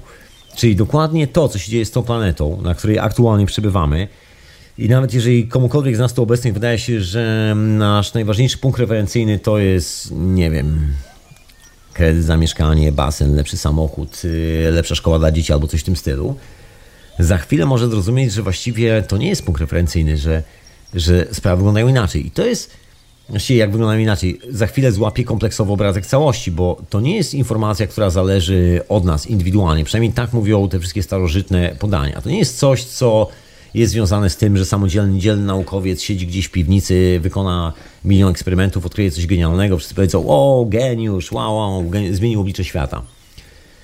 To jest coś, co się dzieje po prostu z nami wszystkimi. To jest taka dekompresja, można powiedzieć, wynurzanie się nas z, z takiego odmętu grawitacyjno-magnetycznego, z tego zamieszania, bo kiedy oś Ziemi się wystabilizuje, a dokładnie to nas czeka już prawdopodobnie w tym roku, bo to jest właśnie związane z ruchami tych wszystkich płatów ziemi, które się, że tak powiem, cały czas teraz bujają i za chwilę będzie trzęsienie ziemi.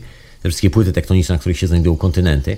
Ten cały ruch ziemi, tak, to jest dokładnie ten sam ruch ziemi. To jest właśnie ekliptyka tego obrotu o 72 stopnie. O jeden, o jeden stopień, o jeden stopień na 72 lata dokładnie. Tak, tak to wygląda. Taka jest podziałka. I to jest ten e, ruch dookoła własnej osi, który nie jest naturalny. I ten ruch, dlaczego nie jest naturalny? Skąd jest wybity? Bo właśnie mamy nierówne pola grawitacyjne. I teraz nagle się okazuje, że satelita podaje, że Ziemia troszkę się skraca, jakby ustawia się z powrotem w pionie, przestaje, że tak powiem, się wybijać na boki, co nazywamy tym ruchem precesyjnym, tylko się stabilizuje. I w tym momencie, jeżeli jakiś obiekt się stabilizuje, automatycznie wszelkie pola grawitacyjne, jak i wszelkie pola magnetyczne znajdują swoje miejsce i, że tak powiem, wyrównują się do tego głównego pola. Głównym polem jest planeta leżąca w konkretnym układzie kosmicznym. O tym mówią nam e, wszystkie, przynajmniej mi, nie wiem jakie jest Twoje podejście, wykopaliska tych wszystkich nas, naskalnych rysunków, starożytnych tekstów i tak dalej. Bardzo jasno i wyraźnie wszystko jest orientowane na niebo, że musi być pewien specyficzny moment historii i wszystkie sprawy wracają. Wraca nam e, coś w rodzaju naszej pamięci, naszej historii, wszystkie te sprawy nagle zaczynamy łapać kompleksowo i okazuje się, że być może cała ta kompleksowa wiedza, której jeszcze teraz używamy, żeby oswoić sobie troszeczkę inny punkt referencyjny, nagle zostawiamy ten cały materialistyczny pomysł na życie, nagle z powrotem odkrywamy ten punkt w kosmosie i jeszcze, jeszcze jesteśmy, że tak powiem, jedną nogą troszkę w tej materii i stąd jeszcze operowanie na jakichś urządzeniach, tego typu historiach. A być może za parę chwil będzie tak, że w pewien dziwny sposób wylądujemy z pewnymi dziwnymi mocami, które się samo uaktywnią w naszych głowach, właśnie z tego powodu, że nasze pole się ustabilizuje. Nie możemy korzystać z tych mocy, bo nasze pole jest niestabilne. Krótka piłka. Są te wszystkie legendarne opowieści, które lubimy bardzo powtarzać, że ach, korzystamy z tylko niewielkiej mocy mózgu i tak dalej. Nie, jasne, że są takie opowieści. Prawda jest taka, że korzystamy z naszego całego mózgu, a nie tylko z jednego kawałka ale oprócz tego mamy potężną część magnetyczną mózgu, z której w rzeczywistości faktycznie mało korzystamy. Jak robi się skany MRI, to widać doskonale, że na co dzień taki człowiek w stresie, state alert consciousness, state of mind, czyli taki wiecznie w pogotowiu, ma praktycznie wyłączone te płaty magnetyczne. A jeżeli się weźmie człowieka, zaaplikuje mu odpowiednią dawkę, na przykład substancji o nazwie LSD albo psylocybina, albo jakoś tak, albo może być ekspertem od medytacji i się go włoży na ten skaner MRI. I widać, że podczas tego zabiegu te płaty magnetyczne odżywają. No i to jest też związane z inną percepcją rzeczywistości. Człowiek, który wraca z takiej wyprawy, masz troszkę inny punkt referencyjny, bo już widzi siebie w troszkę innym otoczeniu. Kiedy widzisz siebie stojącego na górce i widzisz, co się dzieje na dole, że tam jest dolinka, tam są ludzie, tam są ludzie, tam jest coś, tam jest coś. Ta atomizacja i, że tak powiem, y, dysfunkcja ze sobą znika. Jeżeli miałeś doła i myślałeś, że jesteś sam jedyny, to wyjście na górkę pokazuje, że nie. Że masz tu masę sąsiadów i praktycznie tylko od ciebie zależy, gdzie wyruszysz w kolejną drogę i kogo przywitasz. I w tym momencie cała ta historia związana z mind control i tak dalej, i tak dalej, troszkę się roztrzaskuje, bo właściwie jest coś takiego jak taki główny archetyp takiej najbardziej starożytnej wiedzy, która przetrwała do dzisiejszych czasów, która właśnie teraz z powrotem wychodzi na wierzch i archetyp mówi jasno i wyraźnie, to my jesteśmy odpowiedzialni za cały koncept naszego życia, naszej rzeczywistości, która się nam przydarza. I to nie jest nic abstrakcyjnego, to jest dokładnie tak jak jest. To my. To nie ma goś z boku, kto przyjdzie i ci, że tak powiem, popchnie, podepchnie i coś za ciebie zrobi. To jest tylko i wyłącznie twoja decyzja. No ale Właśnie, jeżeli jest krótki punkt referencyjny, to ciężko, że tak powiem, łapać się w takie decyzje, że od razu w kosmos. Z reguły jest tak, że no właśnie. A tu się okazuje, że właściwie, co dużo mówić, ten punkt referencyjny też nie zależy do końca od nas. To jest coś, co dziedziczymy razem z tą planetą, coś, co jest częścią naszej rzeczywistości, częścią teraźniejszości, częścią, częścią wszystkiego. To jest coś, co buduje nasze życie.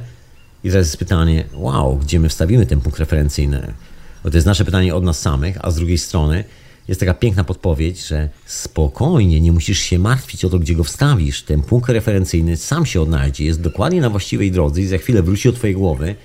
I jak spojrzysz na to wszystko, złapiesz piękny obraz całości. Także jeżeli jeszcze nic nie łapiesz, nie denerwuj się. Za chwilę to wszystko będzie. I to jest chyba ten punkt referencyjny. I to jest to, gdzie idziemy. I to jest ten zupełnie inny koncept na rzeczywistość to jest to coś, co różni ten koncept widzenia zmian na świecie jako katastrofę albo jako odrodzenie. Dla mnie to, co nadchodzi, jest odrodzeniem. To jest nowy świat, który nadchodzi, który jest pozbawiony toksyczności, a stary świat, stary świat jest katastrofą. Stary świat jest czymś, co właściwie nie posiada nawet sensownego punktu referencyjnego, bo jeżeli punkt referencyjny znajduje się, no nie wiem, jest obiektem e, z naszej przestrzeni na, na skali, nie wiem, 5-10 minut chcenia albo niechcenia, no to troszkę ciężko wybudować cokolwiek z takim podejściem do przestrzeni, w której się funkcjonuje. A myślę, że chyba jedyna opcja, jaka istnieje w ogóle na świecie, jeżeli jest w ogóle jakakolwiek opcja do wyboru, to nazywa się po prostu kosmicznym punktem referencyjnym. I wszyscy podlegamy dokładnie pod ten kosmiczny punkt referencyjny. Oczywiście nikt z nas nie musi się z tym zgadać, nie musi, że tak powiem, wybierać tej drogi. To jest zawsze indywidualna historia. Nikt nie zmusza żadnego mieszkańca Tybetu, Nepalu, z którejkolwiek strony by nie patrzy na, na te góry, do, do bycia, do, że tak powiem, do tego ostatecznego challenge'u, do tego ostatecznego wyzwania, żeby zostać prawdziwym lamą i zniknąć, rozpłynąć się gdzieś w jakiejś jaskini pomiędzy wymiarami i być może kiedyś wrócić tu na ziemię w swoim własnym ciele, które tam czeka, zaparkowane na ciebie, gdzieś w jakiejś jaskini, albo już nie wracać. Niektórym się udało, niektórym się nie udało. Czasami przydarza się tak, że po paru latach, bo ci ludzie, którzy medytują, zostawiają czasami taką informację, żeby po paru latach sprawdzić, co się z nimi dzieje. I czasami jest tak, że są otwierane te drzwi, a gentleman już dawno nie żyje. A są też takie dziwne sztuczki, że otwierane są drzwi, a gentlemana w ogóle nie ma na miejscu. Nie ma nawet śladu po tym gentlemanie. I teraz pytanie, co jest właściwie anomalią? Anomalią jest przypadkiem nasze abstrakcyjne, kompletnie chore, takie psychopatyczne troszkę myślenie, że punkt referencyjny to jest kawałek, nie wiem, błyszczącej monety, kawałek jakiejś rzeczywistości, której chcemy, bo ktoś nam opowiadał bajek w telewizorze i wydaje nam się, że jak będziemy mieli taki lifestyle albo cokolwiek innego, to będziemy szczęśliwsi w życiu. Czy to jest nasz punkt referencyjny, czy też rzeczywisty punkt referencyjny jest dokładnie tam, gdzie się znajduje punkt referencyjny naszej planety, wszystkich roślin, które tu żyją i praktycznie całego kosmosu. Ja bym obstawiał to drugie. I myślę, że jeżeli ktoś naprawdę jest taki cwaniak i myśli, że, że mu się uda z tym swoim punktem, rozchwianym punktem referencyjnym przeżyć kolejne lata, myślę, że będzie miał poważny problem, bo Wygląda na to, że mama natura jest tak poukładana, że nie daje nawet specjalnie szans nikomu na to, żeby nawet, nawet gdyby chciał, żeby coś zepsuł. Może co najwyżej troszeczkę narozrabiać przez bardzo krótki moment czasu. To i tak na zasadzie strzelania sobie samemu w kolano, bo mamie na to, że nic nie zrobi. Ona szybciutko zmienia konsystencję tej części kosmosu i nagle wszyscy dostrzegamy coś, czego wcześniej nie dostrzegaliśmy. I świat wygląda tak, że kiedy spojrzymy na przeszłość, to nie, nie potrafimy rozpoznać samych siebie, bo, bo się okazuje, że osoby, które znaliśmy w przeszłości, którymi myśleliśmy, że byliśmy w przeszłości, to nie my, tylko jakieś kłębowisko lęków, paranoi, strachów i tego typu rzeczy. A przyszłość? Przyszłość myślę jest doskonała i pozbawiona tych wszystkich toksycznych historii. I na tym chciałbym zakończyć ten dzisiejszy odcinek hiperprzestrzeni. Ale myślę, że zanim zakończę, to może jeszcze jakaś muzyczka, jeszcze na dwa słowa tam wpadnę. Się zrobiło gorąco od tego buddyzmu, tam trole się pojawiły, już chciały tutaj, o, ciekawe, ciekawe. Cóż, tak to jest. Spokój duszy niektórzy mają nieustannie zmielony. Albo w ogóle namielony w głowie. Że tak powiem, jak, ja nie wiem, jakby mikser w głowie wsadzony, nieustannie. Ale i na nich przyjdzie też czas. tak coś wygląda. Tam się czas najwyższy zakończyć tą hiperprzestrzeń. I dzięki za słuchanie człowieku. Ja myślę, że no właśnie, bo tak już chciałem. Nie, to nie będę się rozkręcał z tym tematem więcej. W każdym razie, zamykając tą refleksję, tak już na sam koniec, przyszłość jest niczym innym, przynajmniej taka jest moja opinia, jak naszym punktem referencyjnym, jak chcemy o niej myśleć. Dla części z nas ta przyszłość jest tylko i wyłącznie kawałkiem zbioru atomów, w którym trzeba się najeść, wykąpać i po prostu przytulić do zbioru atomów. Nic więcej, interesuje nas tylko fizyczność. I to jest ta część, która obumiera, a z drugiej strony jest coś, co wraca, co wraca jak bumerang za każdym razem. I to jest coś, co jest zupełnie innym punktem referencyjnym, coś, co powoduje, że kiedy myślisz o sobie, to widzisz dookoła dużo gwiazd. I sprawy mają się troszeczkę inaczej. Jest to inna perspektywa. Zatem e, do usłyszenia następnym razem z tej innej perspektywy, innego umysłu w hiperprzestrzeni. Dzięki człowieku za wysłuchanie moich refleksji co sobotnich. Jeszcze raz pozdrawiam serdecznie wszystkich mecenasów Radia na Fali. Off. Nawet troli pozdrawiam, tych nieszczęśliwych, którzy ciągle próbują zaistnieć. Chłopaki dzielnie, dziarsko walczą nieustannie. I pozdrawiam oczywiście wszystkich słuchaczy offline i pozdrawiam wszystkich słuchaczy online. Ja tak może na sekundkę sobie wejdę na tą wieczorową porę, naprawdę na krótką sekundę, także jeżeli chcesz posłuchać sobie radia na fali, jeszcze na żywo, teraz, tu, w tym momencie, to zostań z radiem na fali. A ja tymczasem zapraszam Cię, żebyś wpadał do archiwum Radia na Fali, wpadał na profil na Facebooku Radia na Fali. Archiwum jeszcze nie jest do końca sprawne, nie mogę powrócić audycji, które są zaległe, bo jeszcze nie działa, ale już można ściągać, także możesz buszować po tym, co tam jest. Na nowości musisz poczekać, nie wiem do kiedy, nie wiem kiedy będzie gotowe, naprawdę ciężko mi cokolwiek powiedzieć w tym momencie. Robimy co możemy, tylko tyle możemy. Anyway.